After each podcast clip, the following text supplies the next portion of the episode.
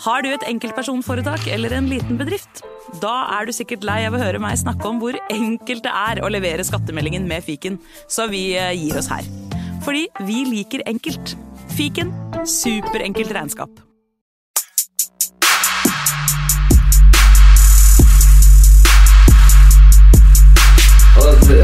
Nei, karer, hysj. Det er faktisk sånn at det kanskje er noen som har lastet ned der. sånn jeg oppfattet det. Altså. Nei, nå må vi bli ferdig. La meg bare få spilt inn her, da. Velkommen til fotballuka!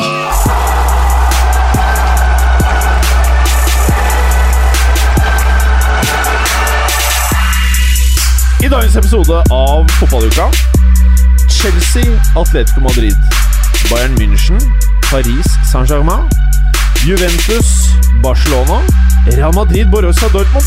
Hva har disse oppgjørene til felles, tenker du? De har det i felles at de skal møtes i kommende Champions League. Og denne podkasten lages da rykende fersk etter trekningen. Rødt mot rødt når Liverpool og Arsenal brasker sammen. Og da er det naturlig å gå over til blått mot blått når Chelsea tar imot Everton. Alt dette og veldig mye mer i dagens episode av Fotballuka. Hallo, Morten Gallosen. Hei, Hei. Eh, vil du si at jeg sa fotballuka på en annen måte enn vanlig? Ja. Ja. Det, du, du, du virka litt tam. Ja, noen vil kalle det tamt. Eh, Jeg vil faktisk si at dette her er første steg i å forandre litt av eh, fotballuka. Er det litt mer sånn lavmælt, uh, profesjonell tilnærming fordi Berger er i utlandet? Eh, det kunne vært det, men jeg tenker at eh, i år skal vi jo nå eh, eh, gjøre visse forandringer, da. Ja. Det kommer jo kanskje et nytt cover. Det kommer kanskje en ny jingle. Og vi skal ha spesialer fra tid til annen. Så sklir alt ut i oktober, tenker jeg. ja, men det er rett rundt hjørnet, og det vet alle. Men vi kan eh, glede lytterne med at eh, dere trenger ikke å avabonnere og abonnere på nytt. Dere, dere, trenger, dere kan bare fortsette å abonnere, men hør på oss, da. For svingene! Kan jo til og med abonnere i Spotify nå. Ja, i Spotify, ja. Mm. For hva er Spotify, Gallosen? Spotify er en strømmetjeneste som uh, ikke sponser oss. Nei. Det virka som jeg var i ferd med å kjøre noe sånt. Ja, du er liksom sponset Ja. i hjørnet i dag. Ja, veldig. Ja. Uh, Snakka varmt om spons uh, på tomannshånd med deg tidligere i dag. Ja. Eh, nei, det er jo en strømmetjeneste som tidligere har tilbudt så å si alt av musikk Ja. eh, til en rimelig penge. Og nå tilbyr de også mange moderne mediepodkaster, bl.a. Fotballwoche. Fotballwoche, Mm. også på norsk kalt Eh, Fotballuka. fotballuka. Mm. For jeg tror hvis du skriver Fotballwoche, så tror jeg faktisk ikke du finner den på Spotify. Ikke denne, nei. Nei. Jeg tror ikke dere kommer nærmere reklame, gutter, enn det som faktisk er reklame. Eh, og Preben. Hei. Eh, i det, hei! I dette rommet her så er det jo en fæl, fæl fyr eh, som lager en annen fæl, fæl fotballpodkast. Og den som ble avlyst? Eh, nei! Han skal vi ta mer av etterpå. Ok. Men han der, Ja. eh, han som nettopp pratet, ja. han lager jo podkasten som har rødt cover og gul skrift. Som hvor eh, eh, O-ene er faktisk ikke like. Så den første O-en er eh, Hva er det man kaller det alfabetet? Europeisk alfabet. Og den andre O-en Er det en O? Du må gjerne svare noe, Gallosen. Hvor har du det funnet den?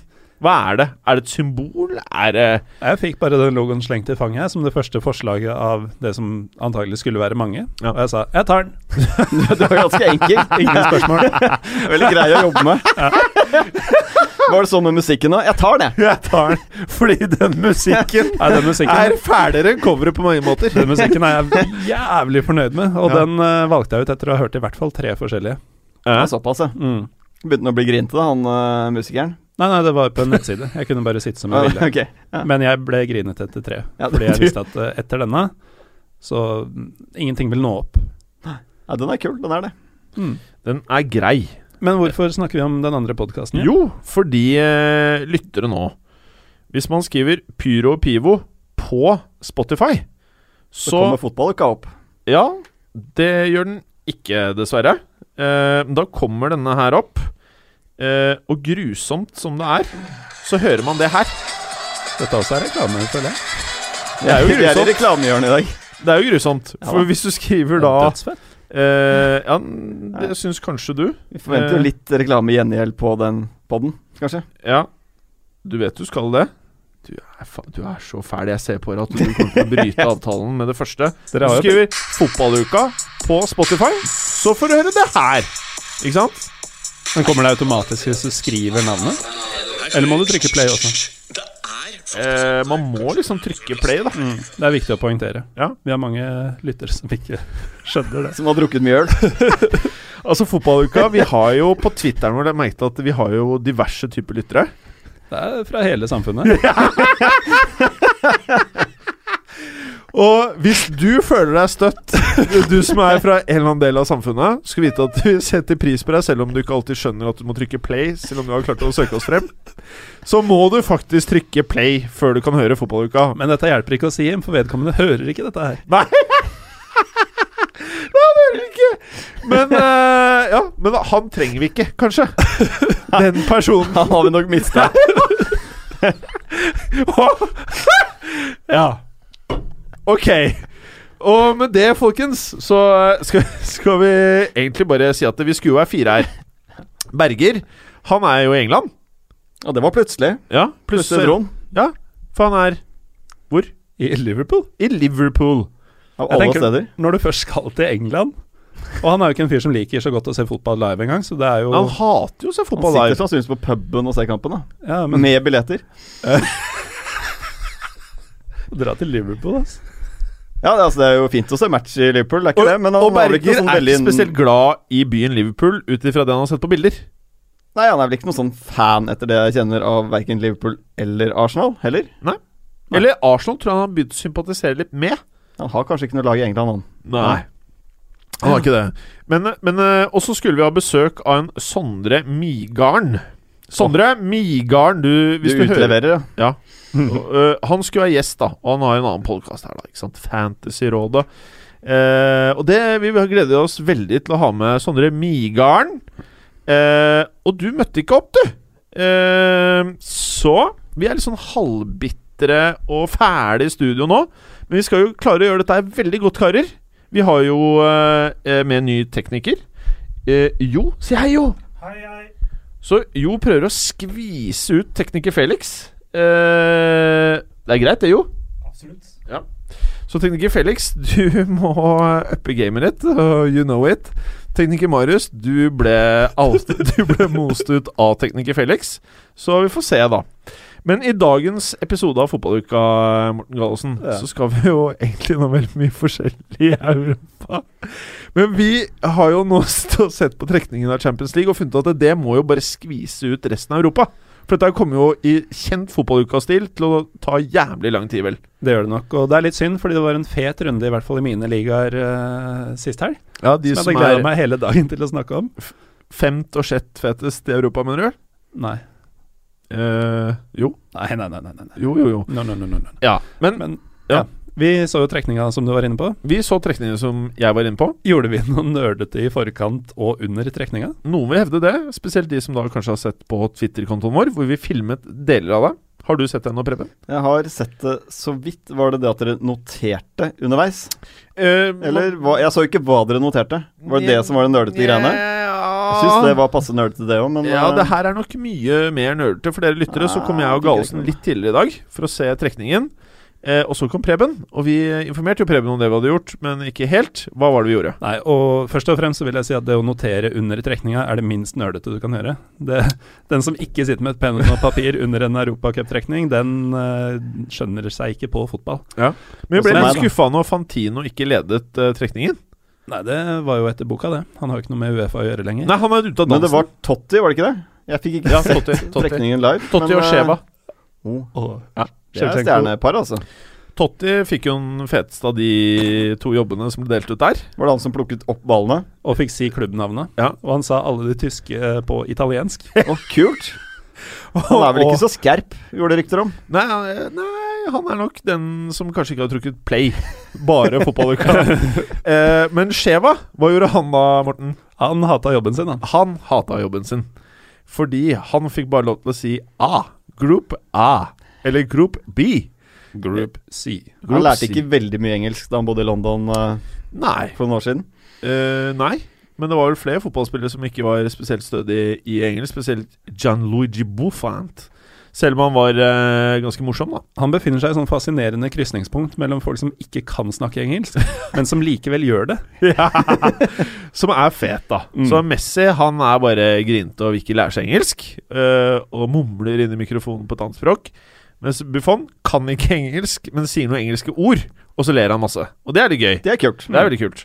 Men, Eh, ja. det- Det vi gjorde, var jo Ja. at vi satte jo opp ut fra kriteriene som de trekker fra, om eh, hvilk, hvor mange fra forskjellige land som kan være på riktig side av hvilken som er på tirsdag og onsdag og sånn.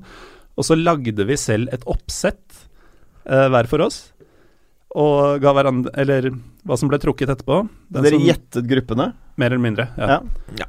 Og så var det snakk om å få flest riktig, da. Og hvem vant den, Jim? ja, jeg fikk 19, og du fikk 14. Omvendt. Kanskje. Et poengsystem som for øvrig ikke er forklart, men 1914 er ganske overlegent uansett. Ja. Uh, ja. Og uh, det begge selvfølgelig hadde, var Chelsea Atletico i samme gruppe. Det var jo Det måtte jo åpenbart. Åpenbart. Og Real Madrid Dortmund. Ja. Skal vi, skal vi ta gruppene, for vi starter jo med Champions League. Ja. Uh, har du det foran deg, Preben? Jeg har det foran meg. Kan ikke du ta oss gjennom gruppe A? Der har vi Benfica, Manchester United, Basel og CSKA Moskva. Ja. Og hvilket åpenbart oppgjør her var det vi så for oss i forkant, eh, Morten? Det var United Basel. Ja. Uh, og det at Benfica er med, er jo litt pussig, fordi det jeg tenkte med Basel, var jo at de slår jo alltid United. Men jeg lurer på om sist uh, Basel slo United ut av gruppespillet, så var Benfica også med. At de to tok de to første plassene, og United ble nummer tre eller fire. Det var da Shakiri og Jaka herja for eh, Basel, men de har sikkert nye folk. De har vel faktisk en høyrebekk som heter Jaka. Sikkert en ny Shakiri også. Ja. Uh, så de kommer jo selvfølgelig til å komme Kanskje foran United. United. kjøper en feil sjaka? Kanskje. Ja. Men eh, United de har jo spisskompetanse på trekninger i Europa, vil jeg si. Ja, men De klarer bare ikke å capitalize på det. Nei, nei, men de treffer veldig, veldig godt på trekningene hvert bidige år. Altså, den gruppen her Eller kunne vel Når de faktisk er med, da. Ja, men hvis du Mm. ser den gruppen til United der, da, så, så kunne det jo knapt vært enklere. Du kan si at Basel eh, Nei, når du ser de andre lagene i den eh, gruppa der også, så er det veldig grei trekning. CSKA Moskva var helt håpløse i fjor. Eh, ingenting som tyder på at de har blitt noe bedre, selv om eh, Akinfev nå har begynt å holde nullen i en og annen kamp. Eh, det har faktisk skjedd. Men altså, United Hvis ikke de går videre fra den gruppen her, så Det er katastrofe. Det er katastrofe. Og jeg kan bare tenke meg Mourinho grave opp hatet han har for Benfica etter han ble most ut av klubben. Det var jo første klubben han tok over eh, som trener etter at han eh, sa opp i Barcelona. Eh, jeg tipper her kommer til å bli psykologisk krigføring.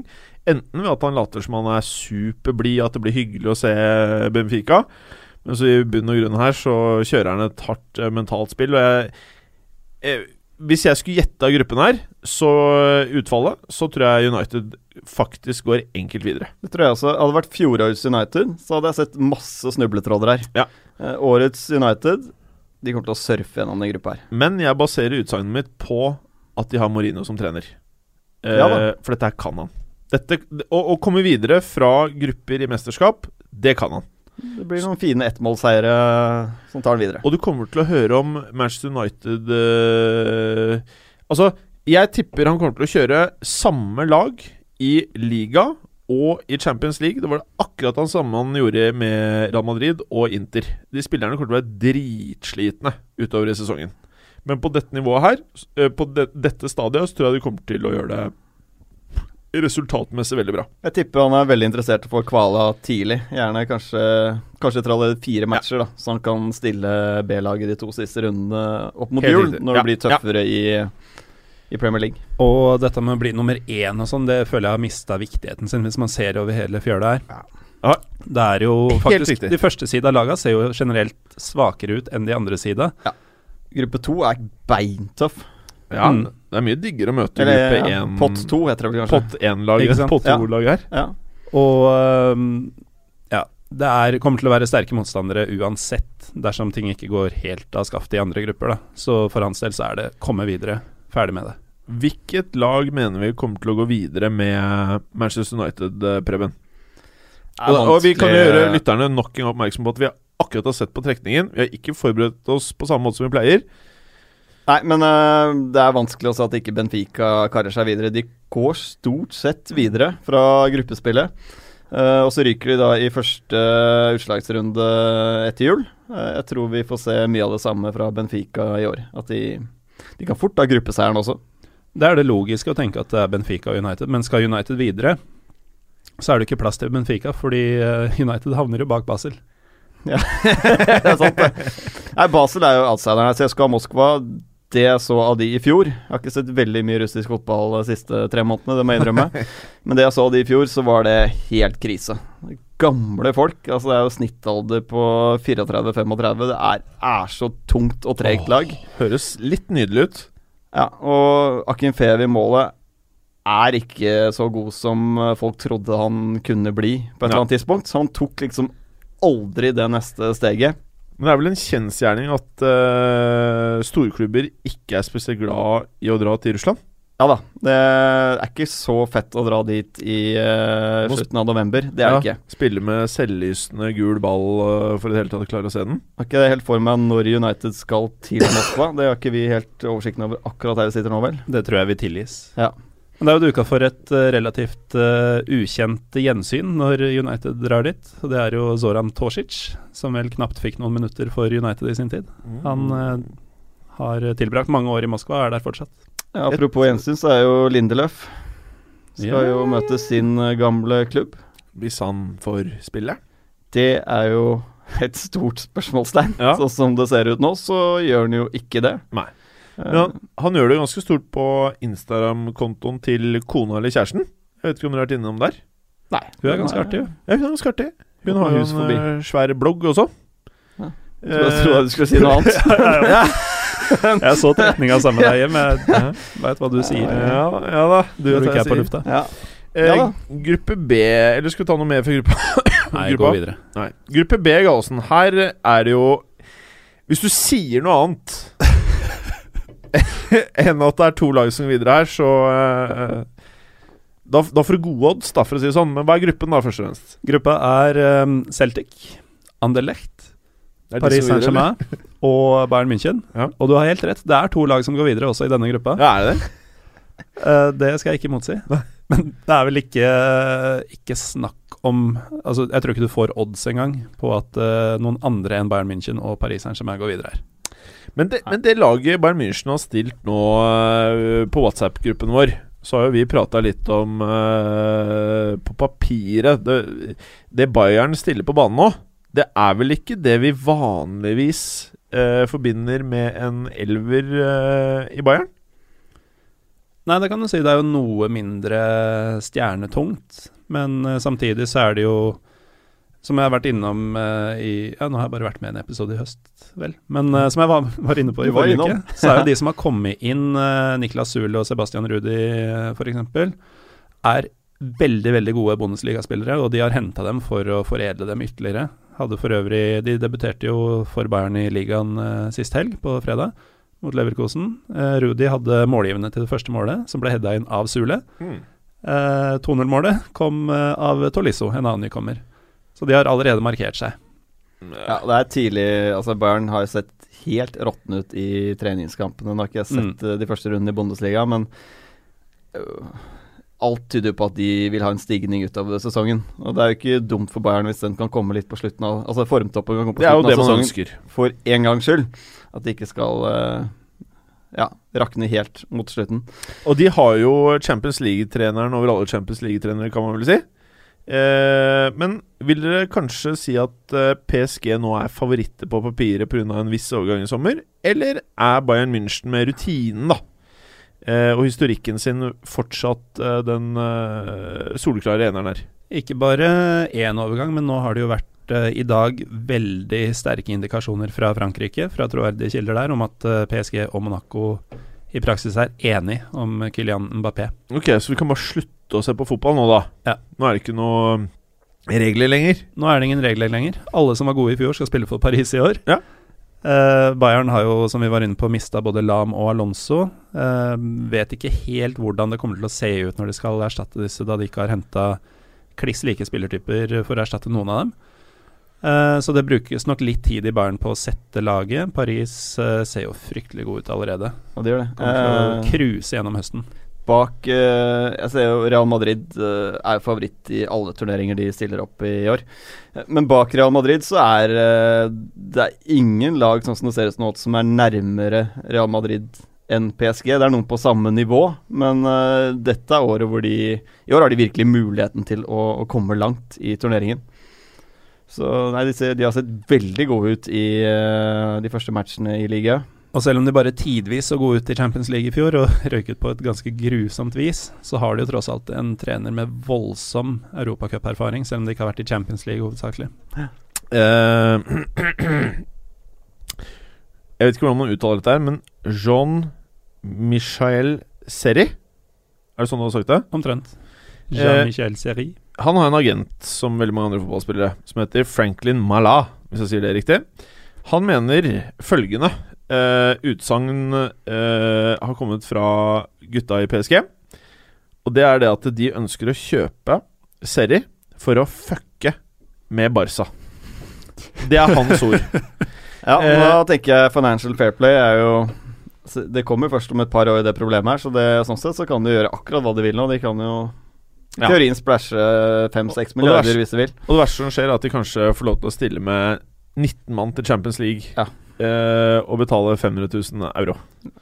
Men jeg er litt usikker på om Nå har jo Financial Fair Play eksistert en stund. Eh, lenge nok til at eh, noen som har ubegrensa med penger, kan ha toppadvokater til å finkikke på absolutt alt. Og det vil overraske meg om Paris bare fullstendig mister grepet og hiver ut milliarder Du mener Qatar? Ja. Men eh, om klubben PSG, da, som liksom kjøper disse spillerne, ja, ok, sånn, ja. plutselig bare skal miste, miste det helt og bare slenge ut 4-5 milliarder hver sommer, uh, uten at de vet nøyaktig hva de driver med.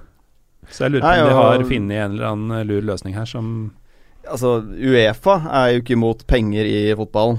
Eh, jo høyere priser og jo mer penger som dyttes inn i fotballen, er jo bare positivt for Uefa. Så de vil jo Jeg vil jo tro at de vil verne om så godt de kan, jeg. Eh, alle klubbene. Det er derfor er det kommer disse ekstremt milde straffene, ja. sånn som City fikk. De fikk vel registrere kun 21 spillere, men de hadde vel bare 21 spillere i troppen også. Så det spilte jo ingen rolle. Nei.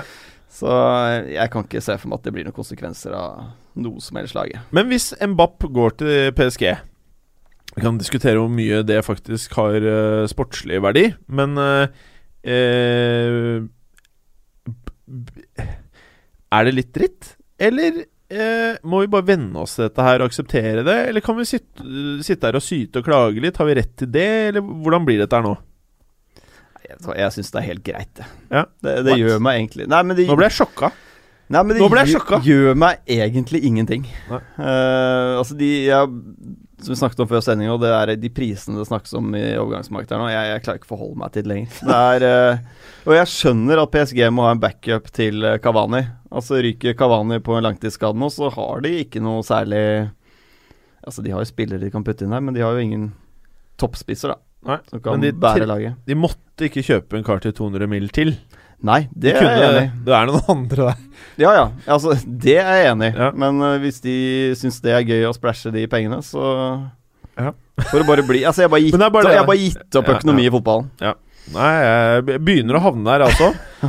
eh, men eh, ja. Men eh, man blir jo mer indignert og sint enn at man syns det er greit. Altså Mm. Jeg, også, jeg ga jo opp dette for flere år siden. Det, jeg syns det var sykt i 2014. Det sier du bare fordi det ikke går så bra med Lillestrøm. det har jo ingenting med saken å gjøre. Det har jo ting vært syke i ti år. Men uh, altså Ja, det er sikkert gøy for disse sjeikene å bare vise Se hva vi kan gjøre med penga våre, men uh, dette går jo utover noen til slutt. Og du kan jo si at det går ikke utover Monaco, for de får ræva full av penger. Å, fy faen, de får mye penger nå. Men hva i all verden skal de gjøre med de pengene?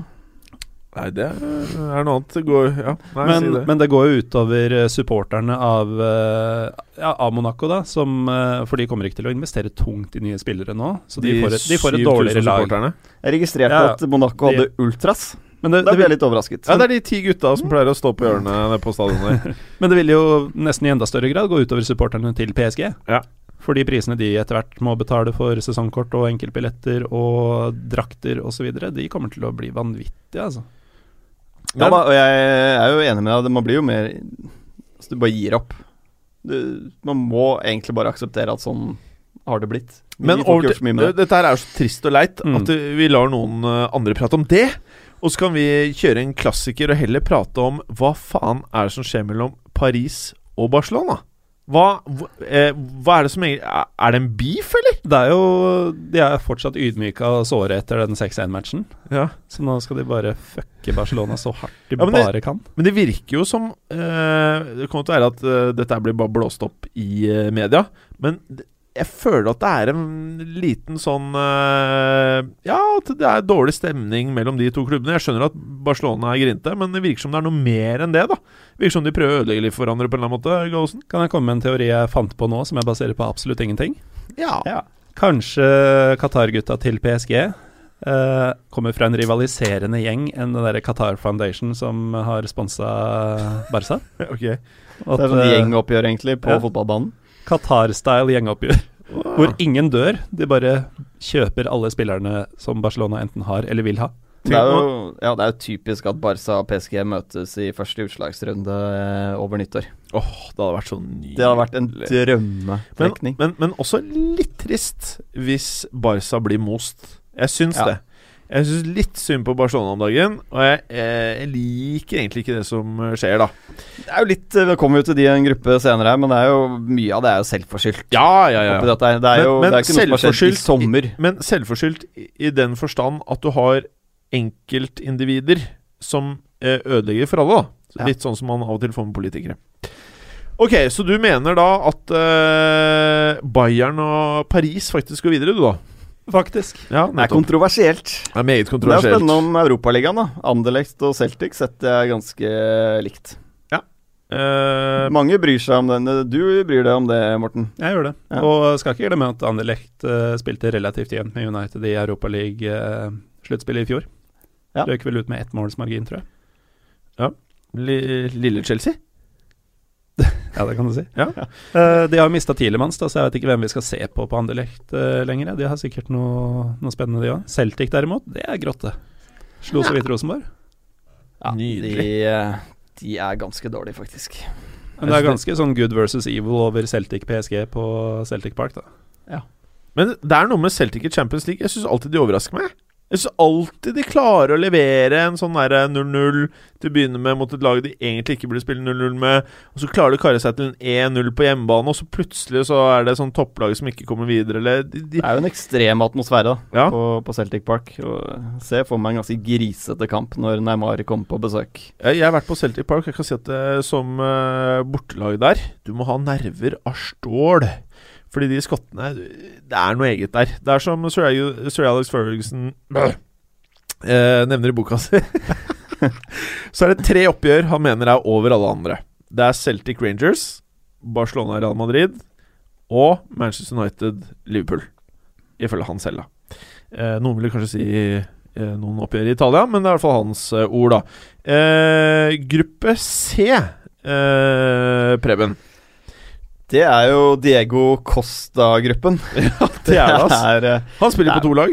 Han spiller på to lag. Han kommer, å, han kommer ikke til å spille for Chelsea, men han er registrert i Chelsea, i hvert fall. I første halvdel av Champions League så kommer han til å spille for Atletico Madrid.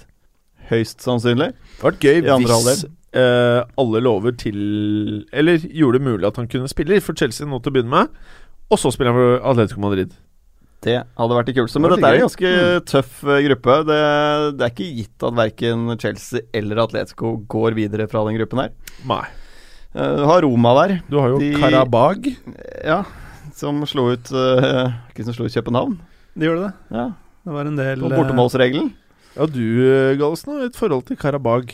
Du, jeg havna nesten Jeg våkna nesten i Nagorno-Karabakh. En eh, Det er ikke alle som har gjort det. Da jeg var på fylla i Jerevan, så møtte jeg noe Hvor da i i Jerevan i Armenia. Ja, nettopp.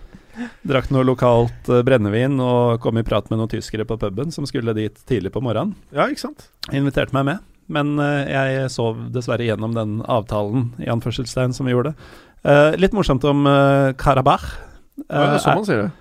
er jo at de er jo For det er en G med en sånn derre halvrunding over. Ja, det og det, si? det kalles en Yomashak G uh, på En- tyrkisk. men den er egentlig stille, så aserbajdsjanere ville nok sagt uh, Karabakh. Karabakh. Men uh, på armensk så er det Karabakh. Karabakh. Eh, og greia med dette laget er at de har jo ikke vært hjemme på over 20 år. Og Fordi det regnes jo nå som et aserbajdsjansk lag. Det Ja. første aserbajdsjanske laget til å komme til Champions League. Og jeg prøvde å få litt, uh, litt dritt på Twitter uh, da de gikk videre, ved å omtale dem som armenske. Men jeg har tydeligvis ikke så mange følgere, for det var ingen som brydde seg. For jeg eh, tror ikke det er veldig mange som liksom om, det, jeg tror ikke det er mange som hadde lest det som hadde liksom Ok, faen, nå skal jeg ta han der. Liksom. Det kommer fra et uh, landområde som uh, tilhørte Aserbajdsjan, men hvor det hovedsakelig bor armenere. Åh, Og nå begynner jeg å skjønne litt. Nagorno-Karabakh-konflikten som begynte rett etter at Sovjetunionen ble løst opp og Aserbajdsjan og Armenia ble selvstendige. Ehm, den førte til at eh, Armenia tok over disse områdene, og klubben Karabakh uh, rømte innover i Aserbajdsjan. Mm. Og har vært der siden.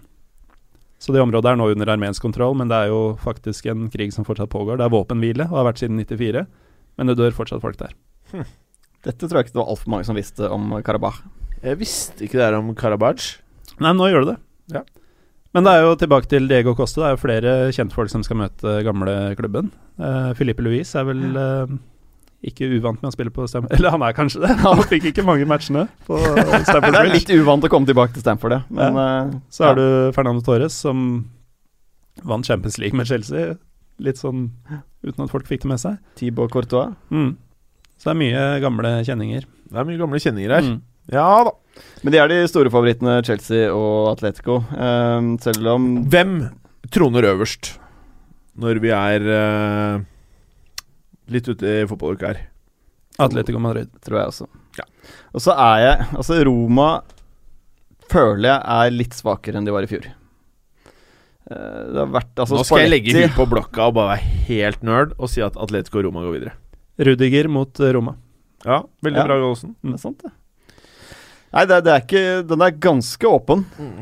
den gruppen her. Eh, de første tre plassene, i hvert fall. Det er vanskelig for å si at Ja. Karabakh klarer å gjøre altfor mye ugagn. De kan jo sikkert dra en uavgjort hjemme. Altså Det laget som gir bort poeng borte, da, Mm. Karabakh, det, det kan bli Ja, og det kommer jo kanskje til å skje. Ja, tungen på vektskåla, det. Eh, hva var det jeg skulle si eh, Vi har jo prata lenge om dette her med eh, troppen til Chelsea, da. Og jeg føler vel kanskje ikke at de eh, har gjort så veldig mye siden sist. Og den troppen de nå skal ut i eh, Premier League og Champions League med hvor jeg, jeg skjønner ikke hvordan dette her skal eh, gå. Og det er også grunnen til at jeg mener at eh, jeg, jeg klarer ikke å se for meg at de klarer å holde et høyt nivå sesongen igjennom. Det er jo litt av grunnen til at vi også har de på, på sjette, vel, i vårt tabelltips for, mm. uh, for Premier League den stallen er tynn, mm. den er det. Men altså, Conte klarer jo i enkeltkamper å skvise ut det han må, men, men over en periode så, så vil det jo ikke funke. Jeg tror han klarer det i toppkampene, men så vil de kanskje avgi Litt sånn typisk at de avgir poeng, da, kanskje mot Karabakh borte. Karabakh. Bra uttalt. Så, men, vi, men vi tror eh, Atletico Madrid, Chelsea, Roma, Karabakh. Det er det naturlige første tipset, men eh, det er ikke 100% sikkert at Roma ryker, altså. Ehm, godeste Gallosen. Mm. Gruppe D. Der hadde du par riktig når vi skulle gjette eh, gruppeoppsetning. Ja. Ja. Det hadde du også. Ja, jeg hadde også det. Jeg tippet nemlig Juventus og Olympiakos. Ja. Og det gjorde du òg. Det gjorde jeg òg. I tillegg så hadde jeg Barcelona og Sporting i samme gruppe. Ja, Men ikke i en annen den gruppe. gruppe. Ja, Nettopp. Så du fikk fire poeng der, du. jeg gjorde det. Men uh, hva er gruppen? Gruppa er, det er jo fort Juventus, Barcelona, Olympiakos, Sporting. Og Snodere nevnte de ja, nå nettopp. Det var jævla rart. Og du hevda at uh, Sporting kunne gjøre det riktig så bra. Det gjorde jeg vel ikke? Det gjorde du. Nei. Men du hevder da at uh, kanskje Juventus og Barcelona er de som går videre? Jeg tror fort at Juventus og Barcelona har mulighet til å gå videre fra denne gruppa. Du mener det? Eh, Det er jo også to lag som kjenner hverandre ganske godt etter hvert. Juventus var jo Barcas banemenn i forrige Champions League. Og um, de møttes jo også i finalen for ikke så lenge siden, et par år siden. Um, De to går selvfølgelig videre. Olympiakos, var det korrekt uttalt? Uh, Ja, helt Jim. Dimitrios. Ja, ganske ok. Det var greit. Si det en gang til. Olympiakos. Ja. Med trøkk på Koss. Det er Ja. det som er trikset. Uh, ja, S-en skal man ikke dra frem for mye der. Oh, nei, I, det var viss- mye S I visse miljøer så tror jeg man bare hadde kutta den ut, på samme måte som Karaba. Olympiako? Olympiago. Sånn er det ikke, da. Jo, Olympiago. Ja, men de- men, de men, ikke opp. men uansett, er- hvem er gruppefavoritt i Preben? Eh, Jeg holder uh, Juventus som favoritt, men jeg tror både Juventus og Barca har potensial til å avgi poeng både mot Olympiakos og Sporting. Og Så er, den, jeg tror den blir jevnere poengmessig enn man kanskje skulle tro. har du um, mindre Fordi i, i fjor så hadde vi knalltro på Juventus som potensielle eh, Champions League-vinnere. Har du mindre tro på Juventus som Champions League-vinnere i år i forkant av Champions League enn du hadde i fjor? Nei, det har jeg ikke. Jeg tror de har eh, like stor mulighet til å komme til finalen. Uh, Eneste er i år så har PSG kommet opp på et nytt nivå med Neymar, så jeg rangerer kanskje PSG nå hakket foran eh, Juventus. Oi. Og Real Madrid er enda bedre enn de var i fjor. Ja. De er eh, ja. Men- de er litt i en egen klasse akkurat nå i inngangen av sesongen, men det kan jo endre seg. Men uh, du er ikke litt redd for dette tap tapet av Bonucci, og ikke minst en av de beste Champions League-spillerne i fjor, Daniel Alves, Jo, det er absolutt. som da har gått til PSG. Ja, og så er det jo Altså, Chiellini er jo aldrende, det må jo være lov å si det. Og ikke minst uh, Barzali bak der. Eh, Buffon er ikke en kjempegod keeper på streken. Det syns jeg ikke. Nei. Det jeg føler Buffons største styrker her, er jo kommunikasjonen og organisering av de gutta foran seg, så de ikke kommer til så innmari mye sjanser. Så jeg tror kanskje de vil slippe til litt mer i år, grunnet uh, Bonucci-fraværet, og de har vel ikke erstattet Daniel Wes på, på noe som helst måte foreløpig. Men, eh, men så har de jo De Jeg regner med at Dybala kommer til å levere på et høyere, altså mer Altså, han kommer til å bli nivå. bedre hvert jævla år nå, Ja. tror jeg, da. For jeg har aldri blitt sånn helt sykt imponert av Dybala oh. noen gang. Jeg har blitt sykt imponert av Jeg vet at noen har gjort det, men de kampene har tydeligvis ikke jeg sett. For jeg syns ikke han klarer å dominere i 90 minutter. Nei, Nei det, det er jeg helt i enig i. enkeltperioder. Altså er ikke han mannen du går til hvis laget sliter og Altså ingenting funker i spillet ditt, da. Så er ikke Dybala mannen som kommer ned og vender kampen for deg. Men jeg tror det har noe med alder å gjøre. Det er jeg enig Og jeg tror det kommer. Det er jeg også helt enig i. Så jeg tror det kommer. Jeg tror han kommer til å stabilisere seg på et høyere nivå i år enn det vi har sett eh, tidligere. Og Higuain skårer mål, uansett om han er feit eller hva han er for noe. Så skårer han jo mål. han kommer til å banke inn mål. Jeg tror kanskje han er best ja, når han er litt tung. Ja, han liker ikke å være for slank. Nei, Eh, da blir han faktisk nesten for rask. Ja. Altså, han løper så fort det går utover teknikken. at han mister kula. Men eh, hva var det jeg skulle si med Dybala? Og dette her er jo litt ironisk i og med at de er i samme gruppe, altså Juventus og Barcelona. Er ikke Dybala den åpenbare signeringen Barcelona burde gå for? Jo, jeg mener det. Ja. Jeg er helt enig i det. Nå virker det jo som de signerer Dembélé, som, eh, som vi har eh, vel Vi har ikke snakket om på sending, men før sending, om at det er jo Hva var det du sa, Morten? To år siden han spilte i I, eh, på femte nivå i Frankrike, for Ja. Rennes andre lag. Og da er det helt gale, Mathias, at vi snakker halvannen milliard for en som har levert da i én sesong. Eller han har levert to La oss gi han to sesonger, da. Altså- han har levert. Jeg, jeg har sett mye bra Dembélé, men dette kan fremdeles trumfe det jeg mener er en av de morsomste signeringene noen gang, med Skygrinski. Som de kjøpte for 25 euro og solgte for 15 euro tilbake til samme lag på slutten av sesongen. Som uh, på alle mulige måter var en herlig, nydelig Barcelona-signering i den forstand. Dette her kan fort vekk være noe så fantastisk som at når Barcelona får nytt styre, så moser de han rett ut til en 50-lapp.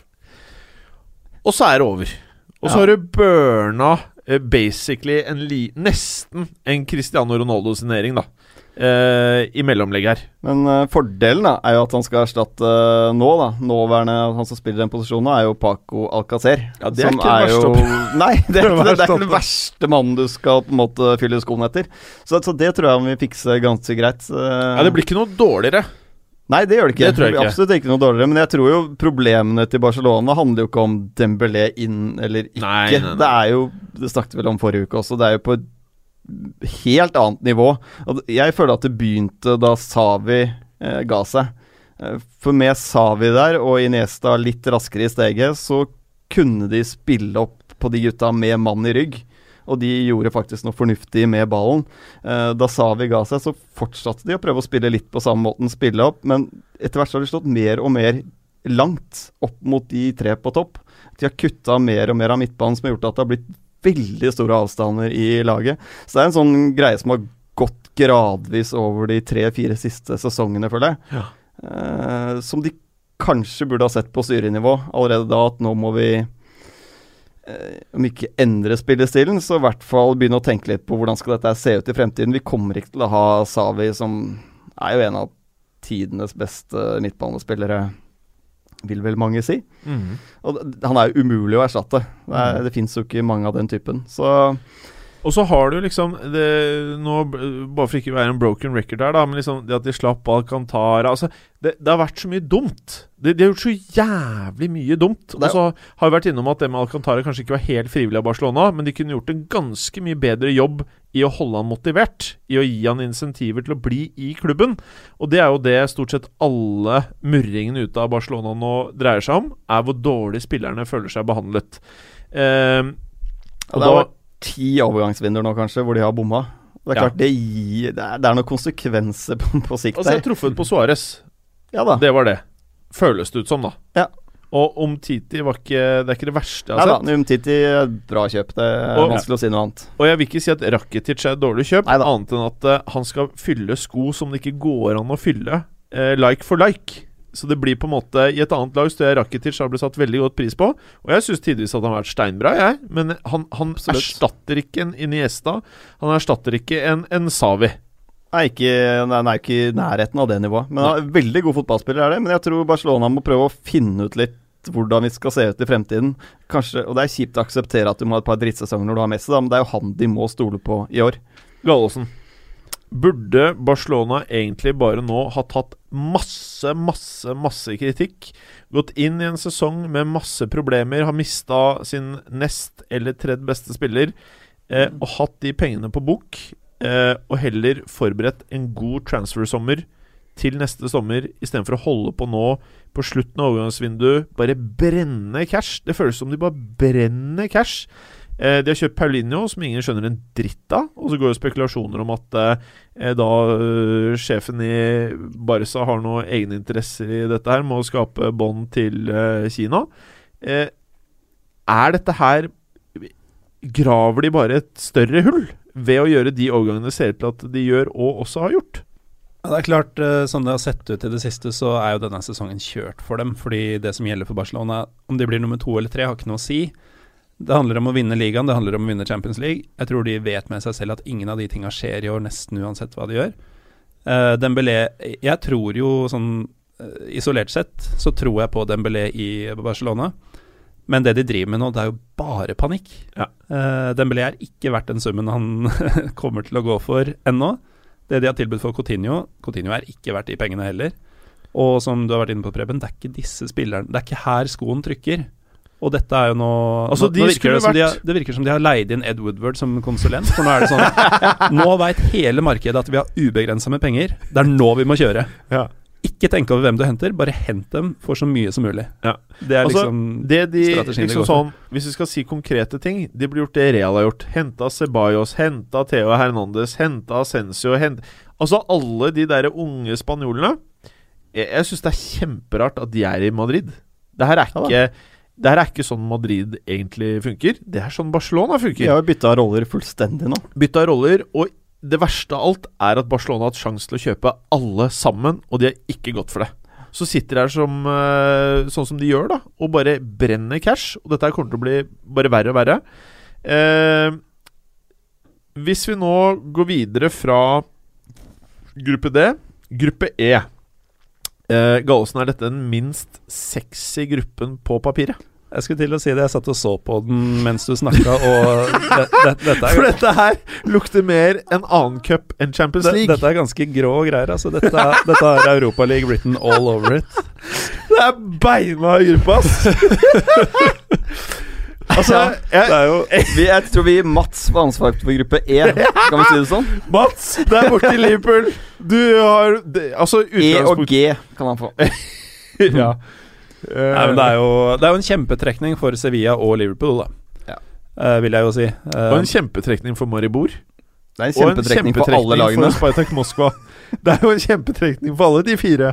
ja, så klaffer det, så kan hvilket som helst lag faktisk gå videre sammen med Sevilla eller Liverpool. Ja. Jeg tror ikke begge ryker ut, men, uh, Men det er litt sånn typisk Liverpool å tape bort mot Maribor, f.eks. Ja. spilte en fantastisk kanskje kamp lørdagen før mot Chelsea og most i 4-0. Og så drar de til Maribor, og så blir det bare sånn fullstendig stryk der. Og så Altså, du aner ikke hvor du har Med det. Liverpool så kan man, opp, man kan oppleve at Mané uh, har uh, vrikket ankelen, Coutinho eh, har influensa, og eh, Firmino ja, har blitt skada, da. Og da har du basically et lag som på en god dag kan vinne, selvfølgelig, men som på papiret ikke ser jævla mye mer sex ut enn Sevilla, i hvert fall. Nei, absolutt ikke. Jeg tenker um, Fort så kan jo Spartak Moskva ha sånn derre rundt årtusenskiftet-årgangen, som, eh, som banka alle engelske lag som kom til Moskva. Du så, jeg husker Jegor Titov, han derre kjempestore med bolleklippen. Han husker ikke jeg. Eh, jeg husker frostrøyken sto ut av kjeften hans hver gang man så eh, Spartak mot Arsenal. Det var oftest Arsenal som fikk unngjelde. Ja, ja. Måten du beskriver ham på, så minner jeg meg litt om sånn jeg minnes Karsten Janker. Ja, det, det var så kaldt og mørkt, og han var så stor og teknisk elegant. Ja. Og eh, det å komme til Moskva og møte Spartak, det var liksom umulig på den tida. De gikk ikke alltid videre, men de smadra storlaga som kom. Litt sånn som Rosenborg kanskje var i sin tid. Det lytterne lurer på nå, kommer de til å smadre Sevilla og Liverpool? Eller Liverpool? Jeg kan fort uh, Jeg tror jo Sevilla og Liverpool går videre, i hvert fall Sevilla. For Liverpool så kan det være noe bananskall her som vi ikke ser akkurat nå. Men jeg, jeg kjenner uh, Kjenner ikke russisk liga veldig godt, men Spartak var best der i fjor. Og er jo den største klubben sammen med Zenit. Som Nei, europacupspesialister, og i og med at gruppe E er europacupgruppen, så tar jeg Sevilla øverst. Og så moser jeg en Spartak Moskva på andre. Ja, men Det er ikke sikkert det er så dumt. Altså, de er regjerende mester i, i Russland, og selv om vi kanskje ikke kjenner dette laget altfor godt, så har jo Zenit eh, gått videre mange ganger, som har vært i samme posisjon som, som Spartak er i nå. Jo, vi sier Spartak og Sevilla. Jeg tror jeg, Kan du være med Kan du leve med Jeg det, kan Preben? eh, bli med på det, men jeg ser også at Sevilla kan avgi poeng i alle matchene. Både hjemme og borte. borte. ja, ja, ja, ja. Altså, mot alle i den gruppen der. Alle matchene. ja, men, det, så Men de er jeg gruppen skal alle lagene avgi poeng i alle matcher. Ja. Altså det er ingen Jeg ser kanskje at Liverpool og Sevilla hjemme mot Maribor Den er ganske given, bør være hjemmeseier. Men Sevilla har jo faktisk eh, avgitt poeng borte mot Maribor tidligere. Nå Ja. Stjeler jeg veldig fra Petter Wælands Twitter her, men eh, de møttes i Europaligaen 13-14. Der name-droppa du ganske hardt, Gallosen. Ja. Men jeg, var, jeg, Du liker Petter Wælands godt, du. jeg liker den veldig godt. Du prøver å snakke deg inn i mancaven hans. Vi har jo egentlig gjort det. Ja, vi har det, vi har bare må få Ja, vi skal inn dit. Vi skal brekke- men i hvert fall Vi skal, som eh, Berger sier, skal skohorne oss inn i mancaven til Veland. Ja, sorry. han har jo ønska oss velkommen mange ganger. Ja, ja, ja. Det er bare å dra. Vi trenger ikke å brekke oss inn engang. Vi bare gidder ikke. Kom igjen, da! Nei, men jeg, jeg har jo sagt det jeg skulle si. Vi møttes okay, da, ja. og Maribor klarte uavgjort hjemme mot Sevilla den gang. Men tror vi at Maribor ender nederst? Ja, det er jeg ganske sikker på. Ja, det må de jo. Ok, Fint. Fint. Gruppe F, eh, Preben. Jeg eh, synes på mange måter at dette her er hipstergruppen i årets Champions League. Jeg tror vi kan få ganske fete matcher. Jeg tror vi kan få jævlig mye mål. Og jeg tror det er den vanskeligste gruppen å spå på forhånd. Ja, du kan ha rett. Eh, interessant er at eh, Citys første kamp ever i Champions League, det var i 2011 mot Napoli. Så da får de et lite gjensyn med de. Endte 1-1 da. Men um, jeg vil jeg, s- Ser kjapt på den gruppen her, så tenker jeg at Napoli er det beste fotballaget. Hvis du Ikke nødvendigvis det beste enkeltspilleren, men det beste laget. Jeg er helt enig. Eh, Så tror jeg at uh, Sjaktar eh, kan faktisk eh, være litt gufne å møte, eh, spesielt på bortebane. Ja. Og Feyenoord også. Det er ikke noe møkkalag vi snakker her. Regjerende eredivisie-mester, Ja. men um, de har jo også mista rubbel og bit Ja. av de som vant ligaen i fjor, så det er litt vanskelig å si hvor de står nå. Men eh, jeg er helt enig med deg. Napoli eh, De har jeg sett noen ganger allerede denne sesongen. De ser fryktelig bra ut. Og det er litt sånn Tottenhamsk over det. At det er stort sett den samme gjengen som har spilt sammen i flere år. Blir bare bedre og bedre sammen, uten at de nødvendigvis er de beste i verden eh, som enkeltspillere. Så er det Sjaktar, da, som, eh, som både på godt og vondt har eh, markert seg i Champions League i årevis. Eh, kan fort eh, lage kvalm for både City og Napoli, de. Og det er både hjemme og borte. Ja, De hadde jo kanskje et litt mer spennende lag for noen eh, år siden. Da vi hadde Douglas Costa, og Alex Teixeira var der, og Mm. Men disse kommer jo fra det vi anser som ingen steder. Ja. Og det er jo sånn de alltid har jobba. Så Ja. det kan godt være nye Douglaser og Alexer og Mkhitaryaner på vei. Ja. Jeg ser jo altså City og Napoli jeg, jeg blir jo overrasket hvis ikke de tar seg videre, begge de to. Mm. Men jeg er også helt enig med Jim. Jeg tror det blir veldig morsomme kamper. Jeg ser ikke ett enkeltoppgjør her som borger for kjedelig fotball. Hvordan eh, tror vi denne gruppen ender, da? Sier eh, Napoli på topp, mm -hmm. Foran City. Foran Sjaktar, foran Feyenoord. Ok.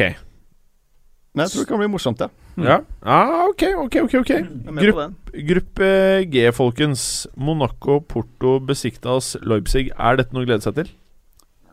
Det kan jo fort vise seg å være den jevneste gruppa. Ja, Lukter litt Berger, eh, som Preben sa, gruppa her. Det er ingen lag her som ikke kan bli slått ut eller ikke kan gå videre. Nei, og det er, det er kanskje ikke den Jeg må velge noen matcher her utover høsten. Så jeg blir overrasket hvis jeg velger mye matcher i den gruppen her. Det Altså, hadde Monaco ikke solgt Mbap, Bakayokos eh, Hadde de ikke solgt Mendy, ja.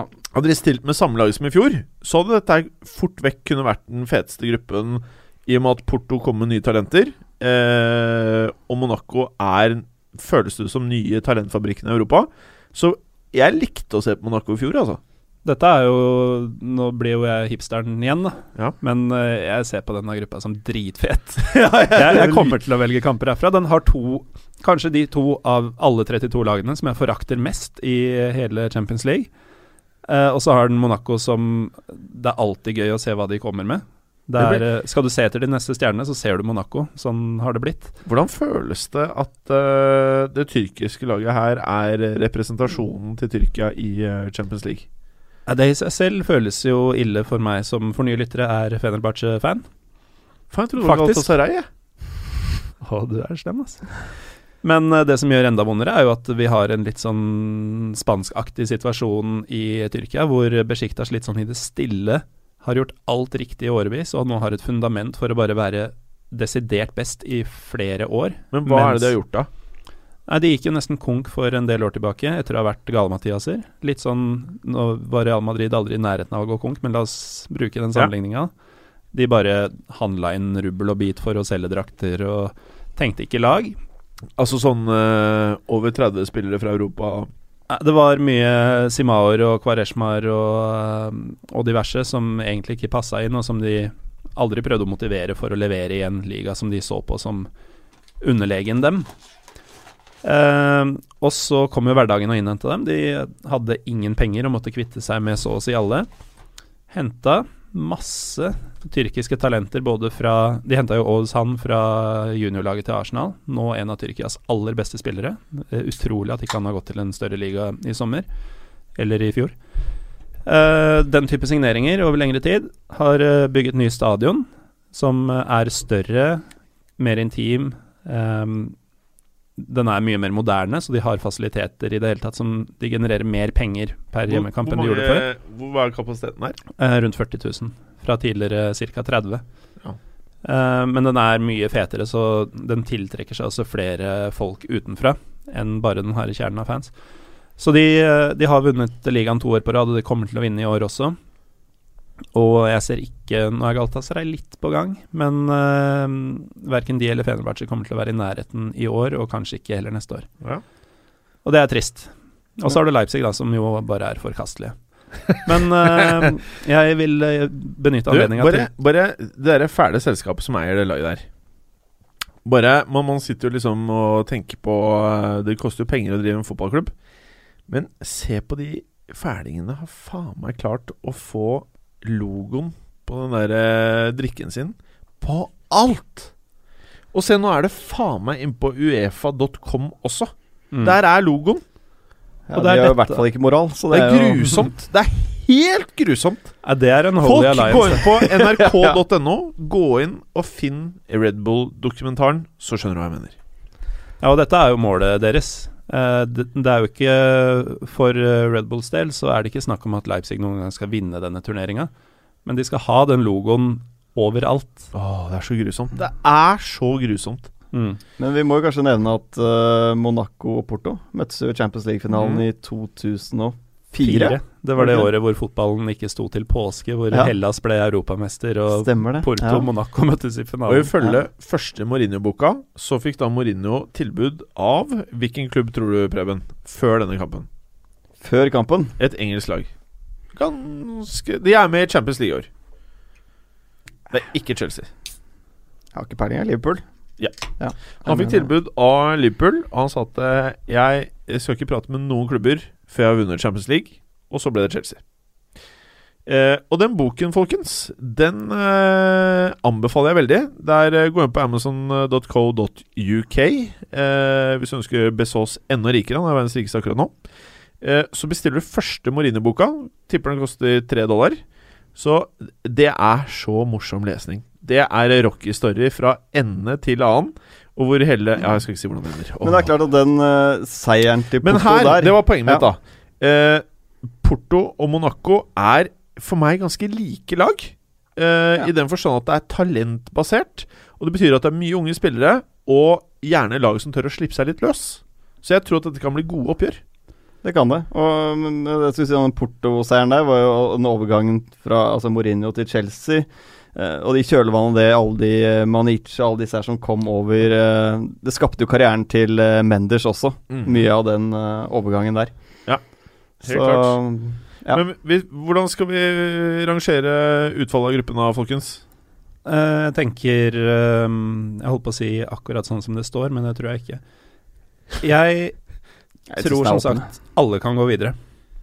Jeg sier eh, Jeg sier faktisk Porto øverst. Og så tror jeg det blir jækla tett, men jeg blir ikke overraska om Besiktas går videre. Jeg tenker at de, Jeg tror Leipzig kanskje går mot uh, Altså, det blir en liten nedtur fra i fjor. Uh, jeg har ikke noe veldig belegg for å si det, men det er uh, en magefølelse og kanskje et lite håp. Hvem vet? Å, jeg håper det. Eh, nei, men Porto og Monaco, jeg klarer ikke helt å skille igjen. Og forsvinner jo Mbappé, eh, virker det som. Så Nei, jeg skal tippe noe, så Nei, jeg sier Monaco på toppen allikevel. Monaco-Porto. Monaco, Porto, Besiktas. Eller Monaco, Besiktas, Porto, Leipzig. Ok, da er vi Tror ganske på Besiktas nett. eh, kan overraske. Ja, jeg blir Hva ikke overraska om de går videre, faktisk. Men eh, jeg må, siden det er to forholdsvis gode mot to onde, så må jeg håpe at det blir Porto og Monaco. Hva er verst? At Besiktas går videre, eller Leipzig? Det er vel Leipzig. Ja.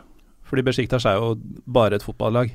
Åh, det er så Men eh, jeg vil gjerne benytte anledninga til å invitere eh, Porto-supporteren blant våre lyttere, Stein José, eh, hjem til meg for begge oppgjørene Porto-Besiktas. Og da skal vi holde med samme lag. Det har vi ikke gjort før, tror jeg. Dette skal klippes ut. Du kan ikke ha sånn i episoden. Du inviterer eh, folk. Ja, Men jeg kjenner den fra før, da. Ja, ok. Uff, dette har vært helt grusomt. Eh, gruppe H, eh, Preben. Altså Jeg personlig syns jo dette er den desidert feteste gruppen. Og det har ikke så mye med Tottenham å gjøre, men det har Altså, de, de som har gitt meg best opplevelser i Champions League de siste årene, er Real Madrid og Dortmund. Det er rett og slett vært de kuleste oppgjørene. Det har vært et enormt tempo, og Real Madrid har faktisk slitt litt Ja, slitt mot eh, Dortmund. Ja. Så um, den gruppen her syns jeg er fantastisk uh, kul. Ja, Jeg tror det knallbra. blir masse severdige matcher, og, og Tottenham skaper jo en del, de også. Mhm. Så og spiller kul fotball. Så jeg tror, uh, Og jeg tror det blir den morsomste gruppen, jeg. Og Tottenham må jo liksom Altså, de er jo med på en ferd der. Altså, de får jo Champions League-erfaring hvert eneste år, eh, som er uvurderlig. Det er jo det som skiller lagene her. At man har mye erfaring også. Helt klart. Og nå er det jo greit kommet frem at jeg er Tottenham-sympatisør, og, og som Tottenham-fan så, så syns jeg det er en helt fantastisk trekning. Ja. Det er så mye kulere å trekke Real Madrid og Ja, Dortmund helt enn det er å få Spartak Moskva og Benfica, altså. Sorry. Det Men også får du heller eh, må jeg sannsynligvis eh, avlyse alle torsdagsplaner jeg har utover fra februar uh, ut sesongen. Men uh, i hvert fall et par uker. Jeg er med på det. ja, det blir Europaliga høyst sannsynlig for uh, Tottenham. Men det er klart, oppgjøret Dortmund-Tottenham Altså det innbyrdes oppgjøret, da. De to matchene de har mot hverandre, kommer jo egentlig til å avgjøre det aller, aller meste der. For Real Madrid er Altså, de går jo videre. Jeg tar det for gitt. Mm. Noe annet ville vært helt sjokkerende om Ja. Madrid ryker, og det skjer jo ikke. Real Madrid-Dortmund er jo underholdningsgaranti, men eh, Dortmund-Tottenham blir også sinnssykt kule kamper. det blir Ja, det er jo ikke lenge siden de møtte hverandre heller i Europaligaen. Uh, nå har jeg veldig dårlig hukommelse, men her kan vi si at det er tre år siden? To år siden? Men når var det Bale og Modric gikk til Eller gikk fra Tottenham? 2000 og Nå må jeg tenke. I hvert fall det store Ronaldo-året var jo 09. Og det var vel året etter med Modric. Året etter der så var det Bale. Så jeg, hvis jeg skal tippe nå Du kan sjekke det nå, Preben. Du googler det. Jeg tipper Modric 2010, så tipper jeg Bale 2011. For i 10-11-sesongen så Eller er det 2012 Det 2012 var Bale? senere, altså 2013 på Bale. Ja, okay. mm, Så var det Modric i 10, eller? For i 2010-11-sesongen Elleve, tenker jeg. så møttes jo disse lagene. Og Real Madrid vant både hjemme og borte mot uh, Tottenham. Men Ja, jeg er litt usikker. 2012, ja. Så det var bare ett år mellom de Men da spilte begge for Tottenham den gangen. Og Real Madrid vant da. Veldig Kan du tenke deg hvem som vinner når de to nå spiller for Real Madrid? Ja. Nei, men Da har jo Tottenham utviklet seg mye som lag. De er vanskeligere å bryte ned nå enn de var for fem år siden. Da gikk jo alt inn bakover. Men du vet, eh, vi prater hele tiden om at elveren til Tottenham kanskje er den beste i eh, Premier League. Jeg, jeg må si, da, elveren til Tottenham mot Real Madrid, sånn spiller for spiller, er ikke like bra. Men jeg, jeg, kan se for meg de kan få et resultat. Det er ikke umulig på hjemmebane, i hvert fall. Uh, men det som er med Real Madrid, det er jo hele kulturen i klubben. Og det har uh, mye mer å si enn man skulle tro. Den vinnerkulturen, det Og så ha, har du det jeg typene, mener eh, veldig mange Altså, det som gjør at Real Madrid nå kanskje For meg, da, så er de favoritter til Champions League nok en gang. Eh, og en av tingene er ikke bare det at de har to elvere som du kunne stilt begge, og så virker det som de kunne gjort det like bra med begge to, kanskje. Men det er noen av disse enkeltindividene som er altså så vinnerskaller. Og ikke bare vinnerskaller, men det er, det er sinte karer. Altså De blir sinte hvis du ikke gjør jobben din. Og vi prater om dette uke etter uke. Det å ha Diego Costa i laget sitt for Chelsea, det er uvurderlig. Jeg er helt helt enig, og Tottenham fremstår fortsatt som en litt for snill klubb. Altså, spillerne på banen er litt kanskje for snille med hverandre, og vi ser fortsatt i de toppkampene, som vi så mot Chelsea nå forrige helg i Premier League, at de, de, de klarer ikke innfri da, når de må, og har en god sjanse til å vinne i de toppmatchene, så, så choker de. Ja. Eh, for ofte fortsatt, i de avgjørende øyeblikkene. Så, men det er jo forhåpentligvis for deres del en læringskurve at de takler det når de får spilt regelmessig Champions League. Så vil de kanskje få en kultur, de også, etter hvert. Eh, nå som vi er inne på Tottenham Nå har jo de gjort en signering siden forrige episode av Fotballuka. Eh, Davidson Sanchez. Og han kom for var det 40 euro, 45 euro rundt der. Noe rundt der. Og dette her er jo typisk Tottenham-signering. Kanskje ikke å bruke så mye penger, men i dette markedet så virker egentlig ikke dette her så eh, dumt. Jeg tror det kan vise seg som en uh, veldig god signering. Det er, det er som du sier, det er veldig typisk. De kjøper jo alt det spillet som har en resale value. I hvert fall når de velger å bruke så mye penger, så, så skal de ha noe igjen for den på et eller annet tidspunkt. Og de forventer vel kanskje da at han forsvinner om noen år til en enda større klubb. Men uh, fyren ser ut som en, uh, en kar med, med et Altså, basisen hans er jo veldig, veldig bra. Så og selvtilliten virker ikke som det er noen ting i veien med heller på, på Sanchez.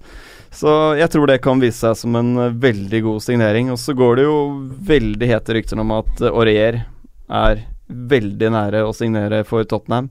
Så kan du si hva du vil om fyren utenfor banen. Um, Pochettino er jo ekstremt opptatt av disiplin.